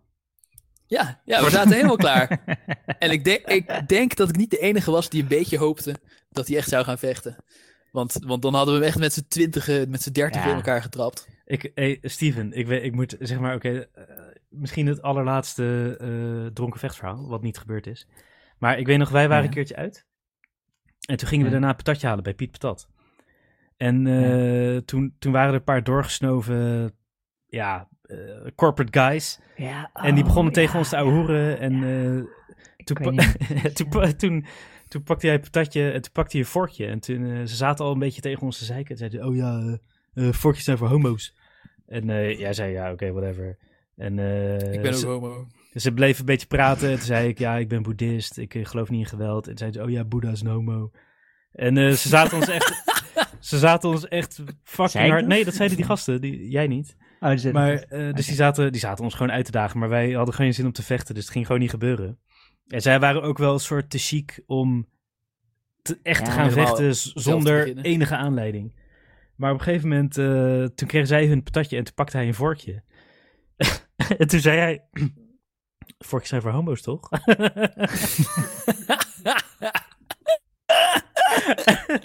Dat was voor hun een soort aanleiding van, oh ja, nu, nu mogen we. En toen begonnen ze kaart te schelden. Maar ja, eh, uiteraard niks gebeurd. Wij dachten, ja, fuck deze gasten. we zijn gewoon weggegaan. Maar het was wel... Ze, zij waren een soort slim aan het doen en eh, ons aan het afzeiken. En ze zei, ja, Ja, ik, in, een, in een vage roes kan ik nog wat ervan Ik vind het wel, ik terugbrengen. vind het wel een maar- scherpe opmerking. ik vond ook, hij was heel scherp in het, want we waren, het was na het uitgaan nog even patatje halen. Maar ik denk, ik heb het niet geprobeerd, maar ik denk dat als je om vier uur s'nachts bij de Piet Patat in het centrum mensen op hun bek gaat slaan, dat de politie er wel snel bij komt, toch? Hoop ik. Ja, Eh, binnen een minuut wel. Ja, precies. ja. Dus je moet echt snel slaan. We slaan en meteen weer rennen. Want in de nachttrein is wel een soort eh, optimale plek om eh, mensen in elkaar te schoppen. ja, daar word je niet snel onderbroken. Niet dat ik dat Ja, wil, ik wil dat Ja, juist niet. wel? Beste luisteraar. mijn, mijn toekomstige baas. Oh, ik heb wel een echt- cv zetten deze. Ik heb oneindig veel verhalen in mijn hoofd eh, opeens over vechtende mensen. Terwijl ik Ja, zelf doe maar joh. Ik heb zelf nooit meegemaakt. Nou, Oké, nou ja, het laatste, aller, aller, allerlaatste dan. Maar eh, het, was, eh, het was gewoon eh, overdag. Ik denk een uurtje of drie. En toen liep ik over de Grote Marktstraat in Den Haag. En eh, toen was er een stelletje op de scooter. En die eh, reden... Sorry, Anita. Ja, precies. En die reden langs eh Johnny en Anita die daar liepen. En die wijven, die spugen, een van die wij- het wijf spuugde opeens op dat wijf wat daar liep. En die begonnen gelijk te vechten. Gewoon instant. En eh, een van die jongen, die jongen die van de scooters kapte, dacht van ja, eh, dit gaan we niet doen. Dus die probeerde ze uit elkaar te halen. Maar die ander, die had ook een vriendje bij zich. En die, die liep er ook naartoe. En die geeft gewoon die dude een stoot. Dus toen, toen waren ze met z'n vier aan het vechten. Dus eh, ik liep naar die gasten toe. Oh, maar dan gaat Wat, sorry? dan, gaat dat, dan is er iets van tevoren, zeg maar, dat is niet uit het niks. Nee, die is, eh. Het leek wel een Ja. soort, maar het was wel heel vaag. Hoop je dan. Dus, eh, maar ik, dus ik liep naar die gasten toe en ik begon, eh, begon ze uit elkaar te trekken. En iemand anders trok die, eh, die, die chicks uit elkaar. Maar de politie was er ook binnen 10 seconden. En op het moment dat de politie aankwam, toen die gast die begon met slaan, die liep echt gelijk zo'n soort koeltjes weg, alsof hij er niet bij hoorde. Echt als een volleerd crimineel. Nia. Dus ik zei, ja, eh, hem moet je arresteren, want hij begon met vechten. En eh, toen hebben ze hem ook aangehouden. Maar ik dacht wel van, hè, wat de fuck gebeurt hier? Jezus Rick. Fucking Batman, Ja. hoe heet dat? eh? Hem moet je arresteren. Lachen. Ja, nee, maar het was... Gelukkig, hij- gelukkig dat hij een paar dagen later niet op straat zag lopen. Nee, maar het was, het was echt zo van, hij begon met meppen. En, en ik kwam daar om dat gevecht op te breken. En toen ging hij doen alsof hij er niet bij hoorde. Ik dacht, ja, flikker op. Dit ga ik echt niet aan meewerken. Als hij, Maar jij gaat maar- ook meedoen eh, Mhm. als de rende mensen elkaar beginnen te slaan terwijl je niet weet waar het over gaat. Ja, nou ja, toen wel. Ik vond het gewoon niet... ik Ik vond het chockerend. Maar Ja, dat was wel... nee, ik- Ja, Het is ook wel the right thing to do, maar ik vind het wel nobel van je. Of had je al ingeschat dat je toch wel zou winnen? Nou, ik, eh, ik denk niet dat... eh, die gasten waren best... Of een van die gasten was best groot. Degene Zeg maar die die- aan het helpen was. Of degene die... eh, Ja, ja, de, ja, zeg maar, die jongen die begon te helpen, dat was echt best wel een beer. Beetje type Edwin. Ah, jij was met de grote gast Zeg maar, als. Welke Edwin? Als hij jou gemapt had, dan, eh, dan was Nou je ja, ik, ik moet eerlijk zeggen dat ik nu pas bedenk dat ze misschien wel besloten zouden kunnen hebben om met mij te gaan vechten als ik me ermee ging bemoeien. Ja, gek hè? maar ik, ik denk, eh, ik, ja, Ah, ik heb ook wel eens gehad, inderdaad, dat ik, zeg maar, dat het nog niet eens zo heel laat was. Dat ik nog op de heenweg was om dronken te worden. En dat ik, eh, ik denk op het station of zo, dat mensen ineens keihard gingen vechten. En dat ik dacht, oh jezus, moet ik, moet ik ingrijpen of niet? Maar ik, had, ik zag niet wie er was begonnen, als het ware. Dus ik dacht, ja, dan, Ja. dan ga ik Ja. maar niet meedoen. Ik loop gewoon weg. Ja, dat, dat, dat, ik ga ergens anders staan. Doei, succes ermee. Maar ik weet niet zo goed, eh, ja, als je wel ziet eh, wie, wie, wie, zeg maar, ja, maar dit was dus, dader en het slachtoffer zijn, dan is het wel goed om in te grijpen. Maar toen dacht ik ook van, nou, eh, ik, ik ga even doen alsof die, die trein op de andere perron wacht. Terwijl ze eigenlijk bij mijn trein staan te vechten. ja, maar dit was om drie uur 's middags, hè. Dus de hele, zeg maar, de Grote Oh, ja. Marktstraat voor corona was dit. Was gewoon afgeladen met honderden mensen. Ja, Daarom Hmm. vond ik het extra random dat ze zo keihard gingen vechten. Ja. ja. Ja, en dan weet je ook dat de politie echt snel... Ja, die was ja. wel echt nog veel sneller dan ik dacht. Ja, ja. Er was hij ook in de straat trouwens. Dat was al tijdens corona. ja maar jij woont ook in Rotterdam. ik woon in Rotterdam. Ja, Toen, gingen gasten, toen Ja. hoorden we wat gegil op straat. En toen zagen we twee gasten met messen die een soort om elkaar heen aan het draaien waren. En dat een van die moeders huilend die jongen Ja, tegen probeerde te houden. ja. En dat, ja, weet je, we zagen dat. Ik dacht, ik dacht echt, holy shit, stel je voor dat ze echt gaan steken. Maar toen was de politie er ook die binnen. moeders. Mensen waren met messen aan het eh, dreigen waar hun moeders bij waren. Ja. Ja, En uit Rotterdam, hè? Ja. Die, die ouders probeerden ze uit elkaar te... dat de moeders ja, omdat eh een van de jongens was aan het "Stop, roepen. Ik ben je moeder. Nee, nee, die zei, je kankermoeder moet gewoon betalen. En eh, die- die- de- ik vermoed dat die ander daarom een mes trok. Oké. En toen zei die andere vrouw, zei, ik moet helemaal niet betalen. Nou ja, eh, ze, ze ging er niet inhoudelijk op in. Op dat moment. Maar ik heb dus geleerd dat je niet tegen mensen moet zeggen, je kankermoeder. Nou ja, of- ja, dat is denk ik... Ja. Ik denk dat is de les van deze poepkast. Ook als ze zeggen dat het mag. Dan, Zelfs als ze zeggen dat het mag en eh, zelfs als die moeder Ja, echt kanker ja. heeft, en, eh, ja, dan, dan, dan, moet je je zorgen dat, zeggen. dat je eerst goed weet tegen wie je... Ja, dat was, Ja. dat was echt wel hilarisch trouwens. dat, eh, wat, maar, ik, zeg maar ik hoorde het jou zeggen en ik dacht al van... Oeh. Maar hij wel, zei tegen mij, je kan, al- ja, ik, ik kan me echt niet herinneren dit. Hij zei tegen mij, je kan alles zeggen en ik word niet boos.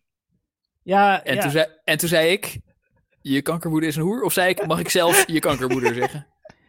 Eh, zo precies weet ik het niet Nee, meer. volgens mij ging je, ging je meteen voor de... voor Maar de- ja, Kankermoeder is een hoer.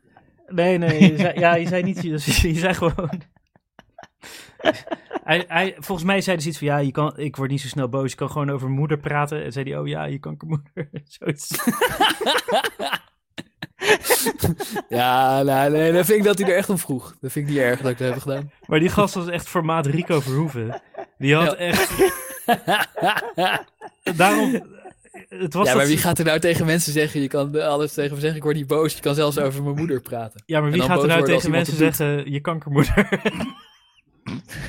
wie gaat er Ja. tegen Rico Verhoeven zeggen, je kankermoeder? Ja, ik dus blijkbaar. Ja. Ah, het was echt, je had zo'n geluk dat die vriend van hem erbij was, want hij, hij had jou en waarschijnlijk mij ook alle hoeken van de piratenbar laten zien. Die gast was, hij was 1,95, 110 kilo spier, dat was niet te, Ja, niet te was houden nog zo'n marinier. Ja, ja, ja, Ook, ja. eh, maar was die vriend ook zo'n marinier? Nee, die vriend was eh, meer ons formaatje. Gewoon kleine... Oh. Maar die lukte het toch om tegen te houden. Nou, fijn. Nice, maar die had... Ja, eh, die zei van, ja, hij bedoelt niet zo, hij bedoelt niet zo. eh. ja. Die, maar het was... Ik heb het vast ook niet zo bedoeld. Ik ken zijn moeder helemaal niet. zeg maar, de angst in de ogen van die, van die jongen die hem tegenhield was wel vriend was veelzeggend. eigenlijk banger dan ik. Oh, wacht. Ja, Zo, sowieso was hij banger dan jij. Want jij, was, Die goede jij, oude tijd. jij zag het niet echt uit de hand lopen, maar hij had wel door, wat, zeg maar, dat... je Nee, ik heb dus heel veel vertrouwen in eh, de, de kracht van het woord. Pratend kunnen we er ook uitkomen. Ja, met het goede in de mensheid. ja, het was een goed gesprek geworden. Kracht van het woord. Ah, ik- misschien, we kunnen ook gewoon volgende week een keer over de Piratenbar een item doen. Ja, vind ik wel goed. Volgens Ja, mij hebben we gehad. tenminste, dit, dit, dit onderwerp prikkelt wel. En volgens mij heeft iedereen nog wel meer, meer verhaaltjes. Ja, maar ik denk dat we allemaal hele goede semi-gerelateerde onderwerpen gaan bedenken. Oké, ja, Zoals de Piratenbar, ja, is goed hoor. Maar nu hebben we het al gespoild, dus nu moet je weer iets nieuws oh bedenken. sorry. Gast. Ik, weet, ik heb geen idee waar dit onderwerp over gaat, maar het heet Ja, dus, CHDR. eh, ja, dus ik zat gewoon een beetje te denken over anekdoten van vroeger, van, eh, uit de oude doos. En ook met het verhaal van, eh, van Rolf die bij de, de wagen solliciteerde. En dus dacht ik bij, toen, eh, toen rondom dat ik klaar was met eh studie geneeskunde, en toen kon ik geen vacature vinden of geen, eh, geen werk vinden. En toen heb ik ook, toen kwam ik op de website van het CADR terecht, Center for Human Drug Research. En er stond een beetje een algemeen berichtje van. Oh. En daar konden ze medicijnen zijn, op je testen voor geld. Of, of Ja, jij nee, zou dat dat, op ook- andere dat mensen. Nee, ja, precies. Nee, ik solliciteerde om dat op andere mensen te doen. Ja. Dus eh, Oh, ik heb het ook om mezelf eh, laten Oh doen. ja, ja. Ja, ja, ik heb het eerder in de studententijd heb ik dat ook gedaan. Dat was echt een fucking slecht idee. Dat, eh, Wat, welk is welk echt, medicijn ja. hebben ze op jou getest? ja, ik zou het een keertje kunnen opzoeken. Ik heb, het, eh, weet je, ik heb opgegeven van, eh, ja, stuur me een e-mail als het eh, artikel er is of zo. Maar ik heb nooit meer iets van ze Waarschijnlijk gehoord. Want, Is er, zijn er gewoon tien Ja. mensen overleden tijdens de proefperiode en is het, is het er nooit gekomen? Ja, het, wa- het was echt gewoon een slecht idee. En je wordt, Dankjewel, Rob. Pardon. Dus weet je, je zit dan, je zit dan een beetje in zo'n een week lang zit je op een plek eh, een beetje pilletjes te slikken en dan nemen ze bloed af. En Heb je, dan, heb je eh, nou over Technival of dat je de onderzoek? Maar moet je, moet je ook een week lang in de, in de futuristische gevangenis eh, wonen? ja, ja, precies. Je woont intern. Dus bij, die, bij dat proef, Kijken dat ze was naar gewoon fucking boring. Dat was, je zit er met twintig gasten of zo op één, één ruimte. Met andere mensen. Je kan ook niet aftrekken. Of je kan wel, maar eh, Eh, nee, dat was niet. Ja, ik had me wel kunnen aftrekken, maar dan was het een soort van. op de wc of zo. Ninja Ja, stealth, nee, is, stealth move geweest. ja. Dus je zit, je zit op zo'n. het is een beetje, basically een soort ziekenhuissetting. Dat je met vier op een kamer zit. Je hebt wel van die, van die gordijntjes. Je mocht er ook niet en dan uit. heb je een soort. Eh, nee, niet Ja, ik zit heel uit. verbaasd te acteren. Ik kan me nog herinneren. Maar het is voor onze luisteraars. Ja, ja, Dus ja. dan stel ik even de vragen die zij zouden Maar dus, stellen. dit, is, dit is dus een, zij, dit is een zijtak van de eigenlijke anekdote, hè? Maar het, is- het, is, eh, het is een nee, prima ja. Steven, mag- ik, ik kan me ook nog, eh, daar wil ik toch nog even opbrengen voordat je teruggaat naar het Ja. onderwerp. Ik kan me herinneren Ja. dat jij dat onderzoek eh, onderging en dat je zei dat je moest poepen zonder te plassen. Oh ja, oh, dat was ik En dat ik echt dacht van, hoe is dat gelukt? hoe hoe Hè, doe wat? je hoe- Nee, dat was een opdracht van de onderzoekers of een bijeffect van het Ja, medicijn? ja, ja, dat is echt, dat is echt een heel belangrijk onderzoek wat, eh, waar ik hem mee heb gedragen.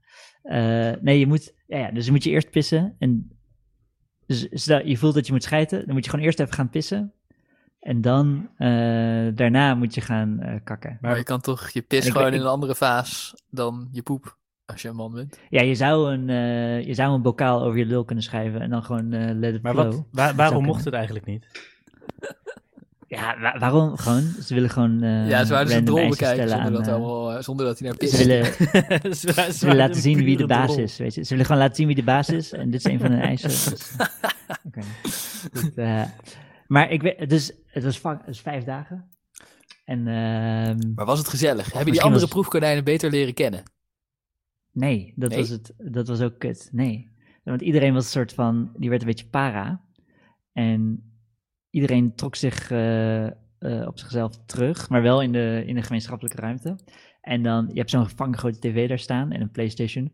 En dan als je 20 dudes in een ruimte met een tv zet, dan gaat automatisch Discovery Channel of zo aan. Dus het was gewoon 24-7 Discovery Channel, bla bla.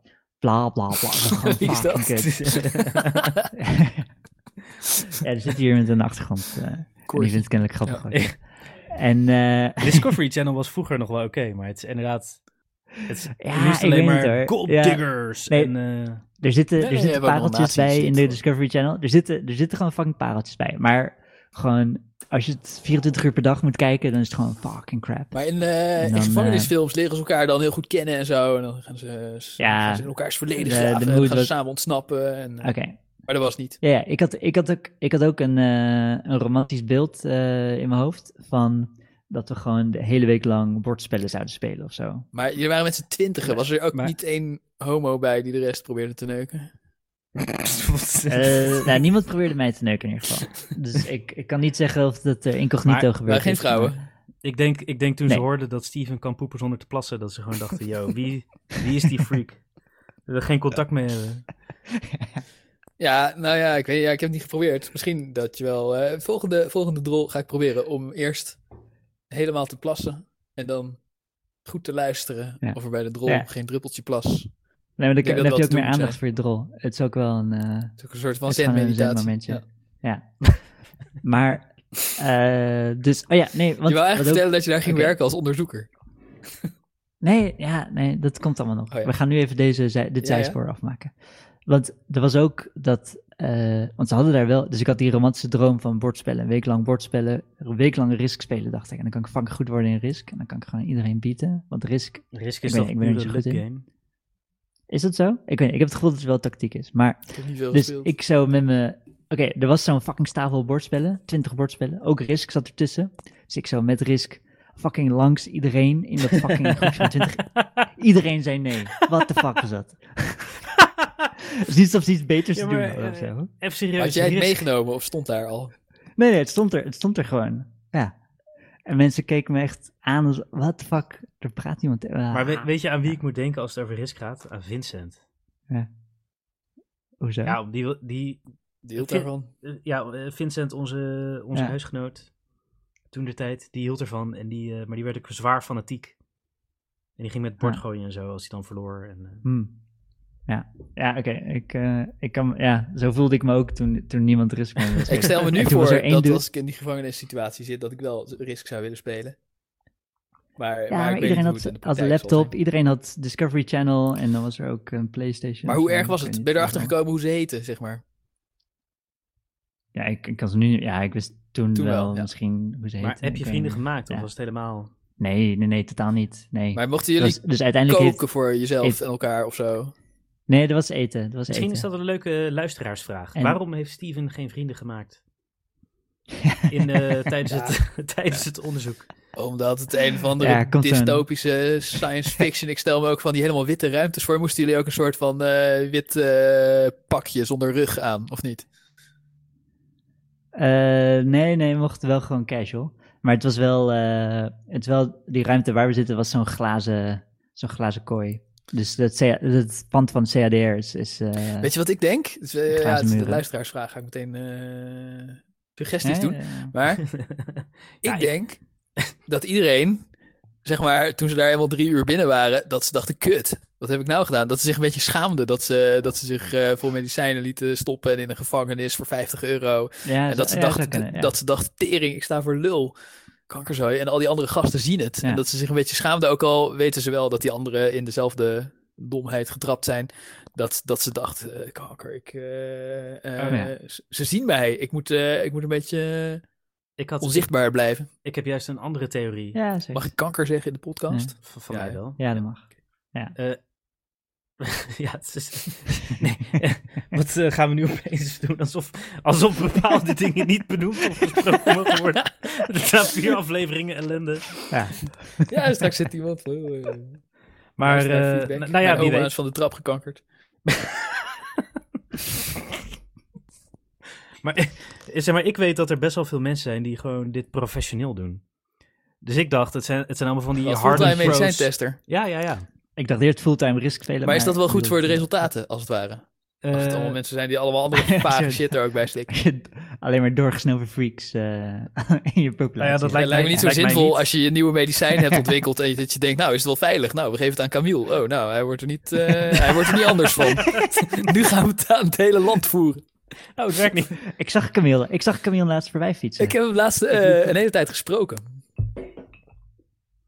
Ja, oh, oké. Ik heb Gewoon, een paar Eh, uur met hem eh, bij bij het café gezeten, toevallig. Ik denk ja. als je Camille chemo geeft, dat ze denken, oh, het, het werkt niet. ja, veilig.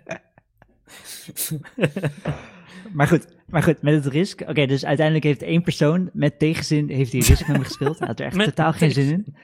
Ja, dat is duidelijk dat hij geen zin in had.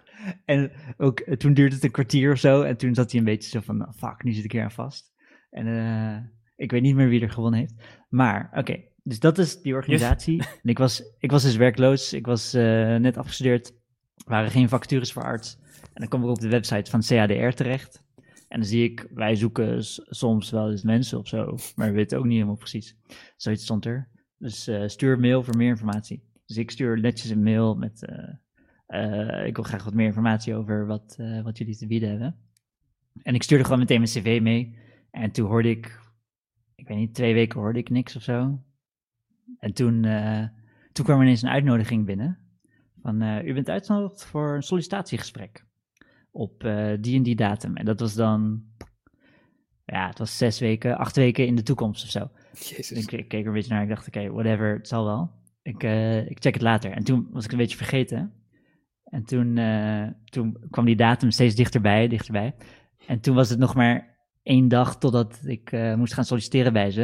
En toen dacht ik, fuck, ik weet niet precies waarvoor ik nou aan het solliciteren ben. Maar misschien is het wel fucking cool. Misschien is het wel leuk. Dus als ik nu zeg, waarvoor ben ik eigenlijk aan het solliciteren, dan, dan eh, verminder ik mijn kansen. Dus ik dacht, ik ga er gewoon heen. Dus ging ik even beter checken waar ik voor was uitgenodigd. was dus een eh, sollicitatieronde die twee dagen duurde.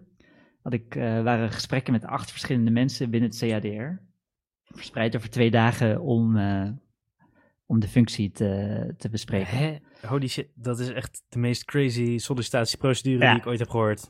ja, ik dacht, Radicaal, oké, ja. What the fuck? Vandaar dat, vandaar dat het pas eh, tien weken nadat je je brief stuurde kon. Ja, precies. En het moest helemaal gecoördineerd worden dat acht verschillende mensen met me konden praten, verspreid over twee dagen. Het was echt een heel... Dus oké, ik dacht... En het was uit- nou voor receptionist of zo. Nou, het was, het was voor iets medisch, maar ik wist niet, ik wist niet precies wat. Dus ik ga erheen. En eh, ik moet in de. Het, is- het is zo'n fucking glazen, glazen paleis of zo. Dus alle muren zijn van glas. Het is echt wel een mooi pand. Ze hebben echt wel dikke. Zodat ze al die Eh. proefpersonen goed in de gaten kunnen houden.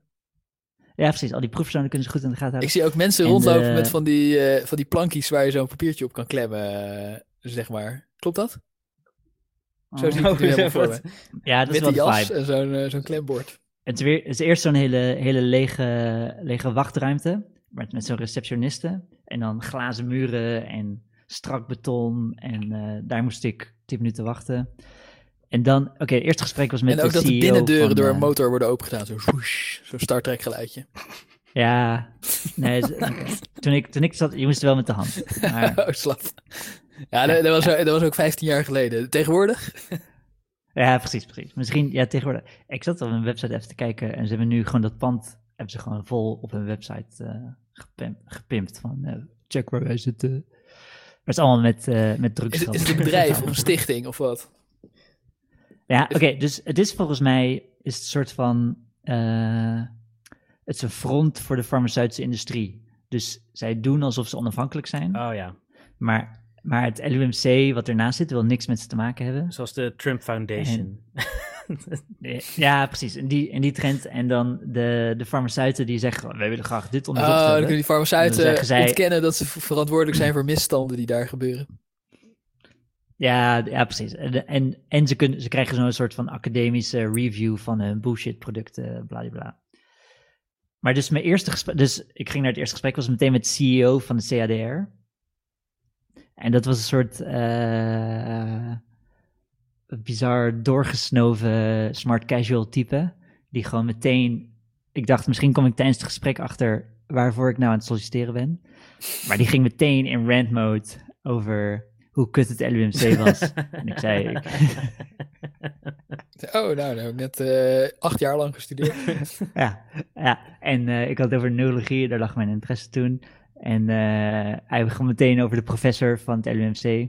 Dat, eh, ja, zo'n figuur als hem, hij kan echt niet eh, overleven in de echte wereld. Hij is echt een soort van vage, vage autist die in zijn eigen wereldje zit. En, en dan begon hij, begon hij te zeiken dat, ja, en als het LUMC weer een miljoen subsidie ergens verhaalt, dan komen ze meteen in de krant. Maar dat is iets wat wij elke week doen en wij halen het nooit de krant. Een week Oké. miljoen subsidie krijgen ze toch niet van de overheid, maar van, eh, Van de farmaceuten, ja. Ja, dan heet het geen subsidie. ja, precies. Dus- En hij, eh, dus hij was, hij was super trots op wat hij had, wat hij, dat bedrijf wat hij, wat hij had. En ik, ik weet nog dat ik aan hem vroeg, eh, of- Wat, wat dus doe ik had geen hier? idee. Oh. Nee, nee, nee. Ik dacht, oké, van deze gast ga ik, geen, ga ik geen informatie over de functie halen. Hij had duidelijk ook geen idee. Hij waarvoor wist zelf ook niet waarvoor je Dat solliciteerde. Jullie zaten Nee, daar gewoon. en hij was een beetje rondjes aan het lopen en... eh, Alleen maar rondjes, Aan het de hele praten. avond. Hij dacht halverwege Ja, zijn rent over het LUMC, dacht hij ook, wie wie is dit eigenlijk? Is deze jongen van een leverancier? Of komt hij hier werken? Of, eh, Nee, precies. Dus ik weet nog dat ik op een gegeven moment vroeg ik hem van... eh, ik zag een opening om iets interessants te vragen. Over, eh, het valt me op dat CADR doet fucking veel onderzoek. Ik zei niet fucking. Doet fucking veel onderzoek naar... Jij hebt een opening en ik heb zin. Ik heb geen openingszin. Ja. Doet fucking veel onderzoek Mag naar, naar recreatieve drugs. Sorry. Nee, precies. Maar ze doen, ze doen echt best wel veel onderzoek naar recreatieve drugs. Dus dan hebben ze van die advertenties in de metro Ah, van... eh, Center for Human Drug. Research. Ja, ja, precies. Kom speed snuiven, kom ecstasy gebruiken en we bla bla bla, marihuana. Ook toen ik, eh, toen ik er zat, toen was er ook eh, was er een groep marihuana gebruikers, was ook in het pand. We hadden twee onderzoeken tegelijkertijd. Eentje was van ons, eentje was van de wietblowers. En die mochten absoluut niet buiten, buiten de normale tijden om eten. En toen, die waren gewoon midden in de nacht, zag je ze sneaken door het pand om eh, alle kastjes leeg te roven. Oké. En eh, ja. Maar ik vroeg, hem- ik vroeg hem dus van, eh, ik, eh, jullie doen best wel veel recreatieve drugs eh, onderzoeken. Waar, waar komt dat vandaan? Of wie, wie financiert dat? En toen keek hij me gewoon aan. Gewoon. En toen zag ik hem even denken. En toen heeft hij de vraag gewoon genegeerd. En is hij gewoon weer verder gaan met ranten over... Verder. Dat, zijn gewoon dingen die hij zich Over, afvraagt. Hmm. Is het waar dat je van cocaïnegebruik, eh dat het kans vergroot dat je je hond gaat neuken? Hmm, nou, eh, Ja, ja. meten is weten. We weten van gekkigheid niet wat we met geld moeten doen. Dus we gaan nu gewoon 20 junks in huis halen. Ja. Ik snap het wel, ja. Lachen. Maar in ieder geval, dus, oh ja, dus dat was, dat was gesprek 1. Dat was best leuk. Maar hij was, hij was not impressed eh, met mij, in ieder geval. Eh, en toen volgden nog wat andere gesprekken eh, met eh, ook wat onderzoekers daar en met wat neurologen. Dus wat neurologen die dan in het, want ik zei ik vind neuro leuk, dus dan ging ik met alle neurologen praten. Dus wat neurologen die dan eigenlijk hun werk als neuroloog in het LUMC niet zo leuk vonden. Dus nu het minimum aantal dagen in het LUMC spendeerden om niet hun titel kwijt te raken, maar nog wel, maar eigenlijk wilden ze gewoon eens bij het CADR werken. En toen, een beetje spelenderwijs, kwam ik erachter dat ik aan het solliciteren was voor een eh, PhD-functie in het CADR. dat is een soort vierjarig traject. waar ze, En wat moest je dan onderzoeken? Nou ja, ze- het CADR doen ze dus omgekeerde kaart. Ze doen omgekeerde kaart eh, onderzoek. Dus eh, de farmaceuten die leveren onderwerpen aan.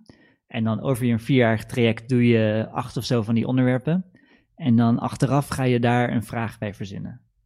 En dat wordt je PhD, Huh? als het ware. Dus dan, eh, je moet, het is een beetje masserende wetenschap. Masseren de wetenschap. Wat de fuck is dat? Dus ja, het is niet, het is niet, de, het is niet de pure wetenschap van eh, dat je van tevoren iets verzint en dan gaat kijken of dat klopt of niet. En dat je niet laat afleiden en niet door de statistiek laat eh, verleiden. Maar het is meer dat je achteraf uit de onderzoeken die je is toebedeeld een beetje een soort van leidraad zoekt. Maar je moet toch en ook dan daar een vraag... Promoveren aan de universiteit, die een soort van... Dat je, Die, dat je, die, die moet er ook iets mee te maken hebben. Ja. En die gaat dan moeilijk doen Ja, ja, over ja, ja. de wetenschappelijke niveau. Hoop je dan tenminste. Ja, dat hoop je. Ja, ja dus ik, heb het niet, ik, heb niet, ik heb niet helemaal tot het einde doorlopen, dus ik weet niet hoe dat, eh, Nee. hoe dat precies loopt. Ik hoorde wel tijdens die sollicitatiegesprekken dat bepaalde mensen echt wat beter hun best moesten doen en even een vraag moesten verzinnen. Maar eh, ja, het is een beetje, het is een beetje eh, de... Ja, nee, natuurlijk is het bullshit. Het is gewoon totale bullshit. Dus de... de Die andere is beter, Rick. sorry. ja, deze. Ik ken ook iemand die, eh, of nou ja, jullie kennen er ook, want het is Sabrina, maar die, eh, die heeft psychologie gestudeerd en die deed ook een onderzoek naar recreatief drugsgebruik. Iets met eh, cannabis, hoe het je, je, je, weet ik veel, hoe mensen die veel blowen, hoe ze bepaalde suffe vragenlijstjes anders beantwoorden dan mensen die weinig of niet blowen. En eh, weet je, dat was dus heel ingewikkeld, want ehm, dan moesten dus mensen hebben die veel blowen en mensen die weinig blowen. En ze dan, weet je, dat, ja, een periode waarin ze heel nauwkeurig moeten bijhouden hoeveel ze blowen en zo. En dan eh, aan het begin en aan het eind eh, allerlei vragen invullen. En dan, eh, ja, dan kregen ze 50 euro als het af was of zo. Weet ik veel. Misschien dat Sabrina nu als eh, feedback gaat geven van eh, Rolf, je hebt echt totaal verkeerd verteld hoe dat onderzoek ging. Maar dat is hoe, hoe, het, hoe het bij mij is blijven hangen. En het lastige was dus dat de mensen die veel bloden, die hadden al, die hadden al eh 90% van de moeite gedaan. Maar dan moesten ze achteraf nog een keer een vragenlijst invullen voordat ze hun 50 euro kregen. En dat deden ze gewoon niet. Toen moesten ze de hele tijd bellen en zeiden, oh ja, oh ja, ja wat vergeten, ga ik nog doen. Dus dat was, zeg maar, dat was al een soort onbedoeld resultaat van het onderzoek op zich. Ja, de oorspronkelijke onderzoeksvraag, die kreeg ze niet echt beantwoord op die manier. Echt lachen onderzoek. Maar toen dacht ik ook al, ja, oké, eh, wat moet de wetenschap hiermee? Maar eh, dat is, eh, met CHDR doen ze dat dus eh, echt op grote schaal. ze- ja, ja daar hebben ze gewoon... eh, ja. Alleen daar zijn ze er verstandig om die mensen op te sluiten. Ja, ik denk dat ze willen, zeg maar, dat onderzoek wordt allemaal gedaan, zodat ze de legale drugs zoveel mogelijk kunnen laten lijken op illegale drugs. Had je ook een pasje nodig toen je daar zat om naar Ah. buiten te komen?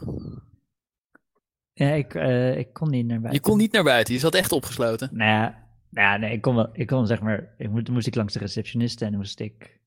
eh, ik, heb niet, ik heb niet geprobeerd te ontsnappen, als het ware. Oké. Ja, ik had niet. Het was niet. Het is niet een hotel. Ja, je kreeg niet een, eh, en, een eh, explosieve buttplug, eh, zeg maar. En het is niet. niet dat je je, ging je badjas erbij krijgt en dat je dan naar een sauna gaat. En. Maar ze hebben ook, volgens mij doen ze ook voor doping, voor doping shit. Ik denk dat heel veel wielerploegen ook het CADR inschakelt. Volgens mij hadden ze ook zo'n wieler, zo'n wieler doping shit, Waarvoor? dat je Mont. Blanc opging. eh, ja, ik denk hoe je dat dat, dat ook best kan ontwijken, die controles. Ja, ja, precies. Ja, precies. Ja. Hoeveel EPO kun je spuiten voordat je betrapt Ja. wordt? Ja. En hebben ze jou Ik- de baan niet gegund, of heb jij gezegd nee dank je? Nee, nee, nee, ze hadden, eh, ze, ze hadden mij gewoon door. Ze, dat jij niet wist. He- he- je heeft iemand in dit proces bij de 14 bureaus waar je langs moest aan jou gevraagd, weet je eigenlijk wel waar je voor solliciteert?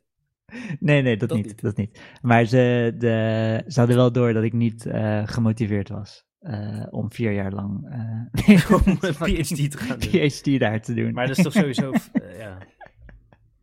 En ook, weet je, ik, zat, ik, zat, ik deed die eerste dag en toen dacht ik, oké, dit is iets meer dan ik eh, had verwacht en ik wil hier sowieso niet werken. Maar ben ik ook gewoon gaan doen om te oefenen met solliciteren als het ware en gewoon een beetje... En is het gebruikelijk dat je promoveert zonder te specialiseren, zeg maar, als dokter? Ik dacht dat ze dan Eh, eerst meestal doe je het een als, bepaald soort de- dokter als werden eerst. en dan promoveren. Nee, nee, het is anders. Het is zelfs eh, om de. Dus de specialisatie is eh, zeldzamer dan de promoveren. Dus je doet Ah, het, het promoveren om goed te lijken voor je specialisatie. Oh, zo, ja, ja, ja. dus als daarom heb je ook al die, al die. Ja, als cv-dingetje. Precies. Daarom heb je al die chirurgen die totaal niet geïnteresseerd zijn in wetenschap of in de boeken duiken of eh, Ja, die dan toch een of ander Maar omdat- onderzoekje doen. Ja, omdat het verwacht wordt dat elke chirurg gespecialiseerd is, zitten ze zo, fuck, oh. Als je met die gasten praat, als het is een PhD, dan zitten ze, oh, fuck, ik haat dit, ah. En eh, dan komt er een bullshit, een bullshit eh, conclusie uit en dan mogen ze in mensen snijden. Nou, vet. Dat, dat is het doel. Lekker mensen snijden. Dat is het doel. Ja, ja, dat is, dat is het uiteindelijke doel. Ja, ja. Ja, klonk, maar zou klinkt, ze ook, En dan kennelijk, eh, klinkt als zou ze ook hebben... Oh, ja, doe jij maar, Rick. Nee, ja, de- Knippen we eruit. Nee. Nee? Zou ze ook hebben doorgehad dat je daar ook als proefpersoon geweest? Want dan zou... volgens, mij heb ik het niet ge- volgens mij heb ik het niet genoemd tijdens het sollicitatiegesprek. Dat, le- dat weet ik Ik niet. stel me voor dat het ook niet eh, geen, eh, geen, geen is. pluspunt is. dat ze daar zelf. En ook, een beetje neerkijken op die mensen.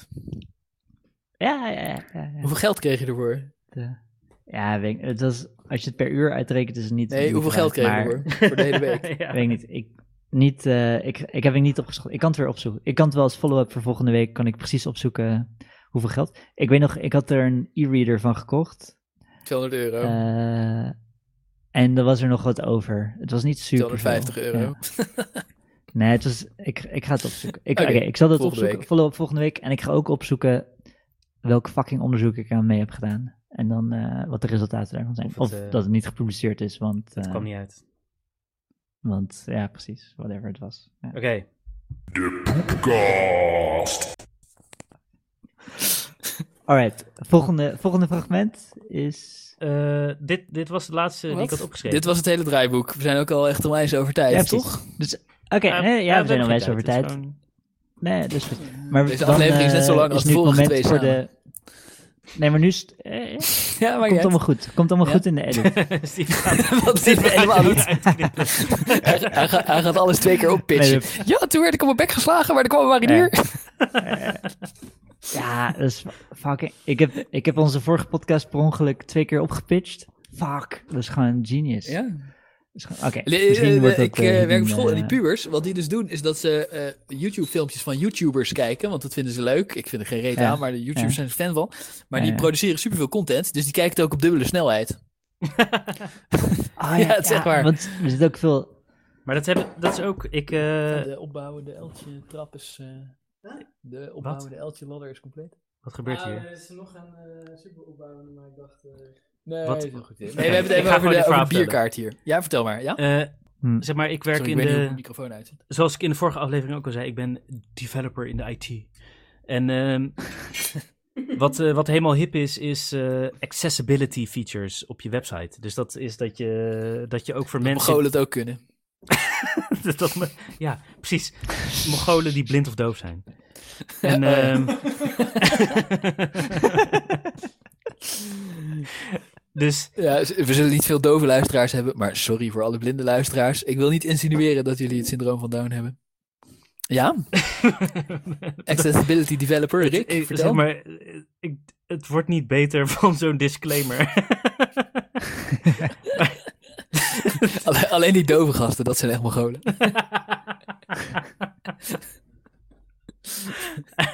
maar als je dus eh, voor slechtziende heb je dan eh, ja, eh, sp- text-to-speech. Dus dan Ja. leest, leest hij gewoon voor wat de website doet. En eh, dan, dat, dat werd dus gepresenteerd van, ja oké, we hebben nu hebben we dat aangezet voor deze website.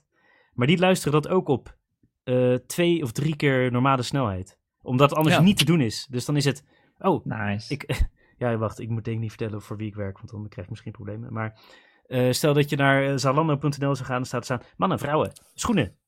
schoenen. ik kan niet, kan niet eens snel genoeg dingen bedenken, maar het is heel vaag. Maar moet je dan, zeg maar, op het ding waar je op wil klikken, moet je dan er doorheen schreeuwen, stop, klik! Eh, Wat heb je eraan als je het minuutje voorleest? nee, ja, je doet dus met tab, doe je door de items heen. Oh, zo, je tapt en dan zegt hij waar je nu op staat. Ja, Ja, ja dus eh, ja, Mhm. eh, schoenen, dildo's. Eh, ja precies. ja, YouTube faciliteert dit ook heel goed, hè? Want die, die dubbele snelheid YouTube, die is dan niet... eh, Ja. Geen heliumstemmetjes. Ze hebben het Nee, versneld en weer omlaag gepitcht. Ik zit ook op vaak zit ik tutorials te kijken op eh, anderhalve snelheid of zo. Dat is wel nice. Ja. Klassieke muziek op anderhalve snelheid is ook veel beter. Ja, ik kan me voorstellen. Moet je wel even aanraden. ik ga het hier voorstellen.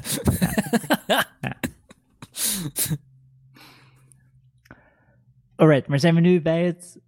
Weet je wat? Ja, je hebt nog... Ja, Bij bij weet het niet, einde ik van het draaiboek, maar jij hebt nog iets, of Ja. niet? Ja, ja, we hebben de review. we, hebben, Oh, zeg maar, we zijn klaar ja. met de normale show, dus zijn we nu gaan, gaan we De- afwikkelen. Gewoon even Podcast. Tijd voor de reviews van. Steven. tijd voor de reviews. Oké, de shit die ik verzameld heb. Oké, nu hou ik op. Ik, sorry. God, ik dacht dat eh. Christian die eh, zijn noedels, dat dat de reviews onderdeel was. Vandaar dat ik niet begreep waar je heen wou. nee, maar nee, vertel. dat is, hebt nee, nog nee, veel meer er is, reviews. Er is een groot verschil tussen follow-up en reviews. Oh. Dus reviews bij gaat Christian echt niet. over ons. En ja, Christian is meer een soort... eh, Algehele recensie. Een soort lopende. Ja, ja. Ehm, maar in ieder geval, in ieder geval we, hebben, we hebben een audio review gekregen. Ja, Ik ben er heel blij mee. Het komt van Sonja uit Utrecht. kijk aan. Ik ga hem nu afspelen. Het was trouwens een prachtige podcast. Ik heb hem helemaal geluisterd. Helemaal in mijn straatje. Euthanasie en alles. Euthanasie? Oh, dat is aflevering 1 of 2 of zo. Dat is de Ja, eerste. ze is pas bij aflevering Ja. 1. Op een gegeven moment zal ze wel, eh, wel hier komen, denk ik. Maar het duurt misschien eventjes. maar, en dit was de hele review. En dat was de hele review. Wat Ja, lief. ze wist niet dat ze de review eh, maakte terwijl ze hem stuurde. Dat was gewoon een WhatsApp eh, dingetje. Ja, Maar Nou, wij houden ook van ik heb jou, wel Sonja. toestemming gevraagd. Wat, wat is dan haar straatje? Euthanasie en zo. En alles. ja, met Ja. wat, wat hadden we toen nog meer? Ja, het doet er ook niet toe. Het is gewoon euthanasie en zo. Het is Ja, gewoon helemaal haar straatje. allemaal niet. Wat- Sonja, we vinden jou Weet ook super. niet. ja, sowieso. Ja. De volgende. Verder heeft, heeft Colin een review achtergelaten. Ah. Eh, die zegt, eh, Rick, je bent een lul en alles aan deze podcast is kut. Ja, is wel, ik denk, wel een wel treffende recensie. toch? Maar, eh, ik voel me een beetje gedist. Waarom is Rick een lul en wij niet? Ja, weet ik ook niet. Colin had ook beloofd dat hij wel audiofragmenten zou opsturen, maar dat heeft hij niet gedaan. Dus Ja, het is echt wat Oké. voor hem. Oké, whatever. Ja? En eh Sjoerd, die zei, oké, het instant noodles item raakt me wel. Noodle-amateurs. Oh, Geluidskwaliteit is nog steeds Oh, om te nee, even- Ja, Shorty heeft Oh. de hele tijd... Shorty, ik weet niet of hij nou gewoon aan het zeiken is... of dat hij zeg maar onze, onze geluidstechnicus wil worden. Want die is echt non-stop over de geluidskwaliteit aan het zeiken. Maar ik heb het geluisterd, maar ja, weet ik veel. Ik heb ook geen Ja. smaak, maar ik, Ja. ik hoor dat niet.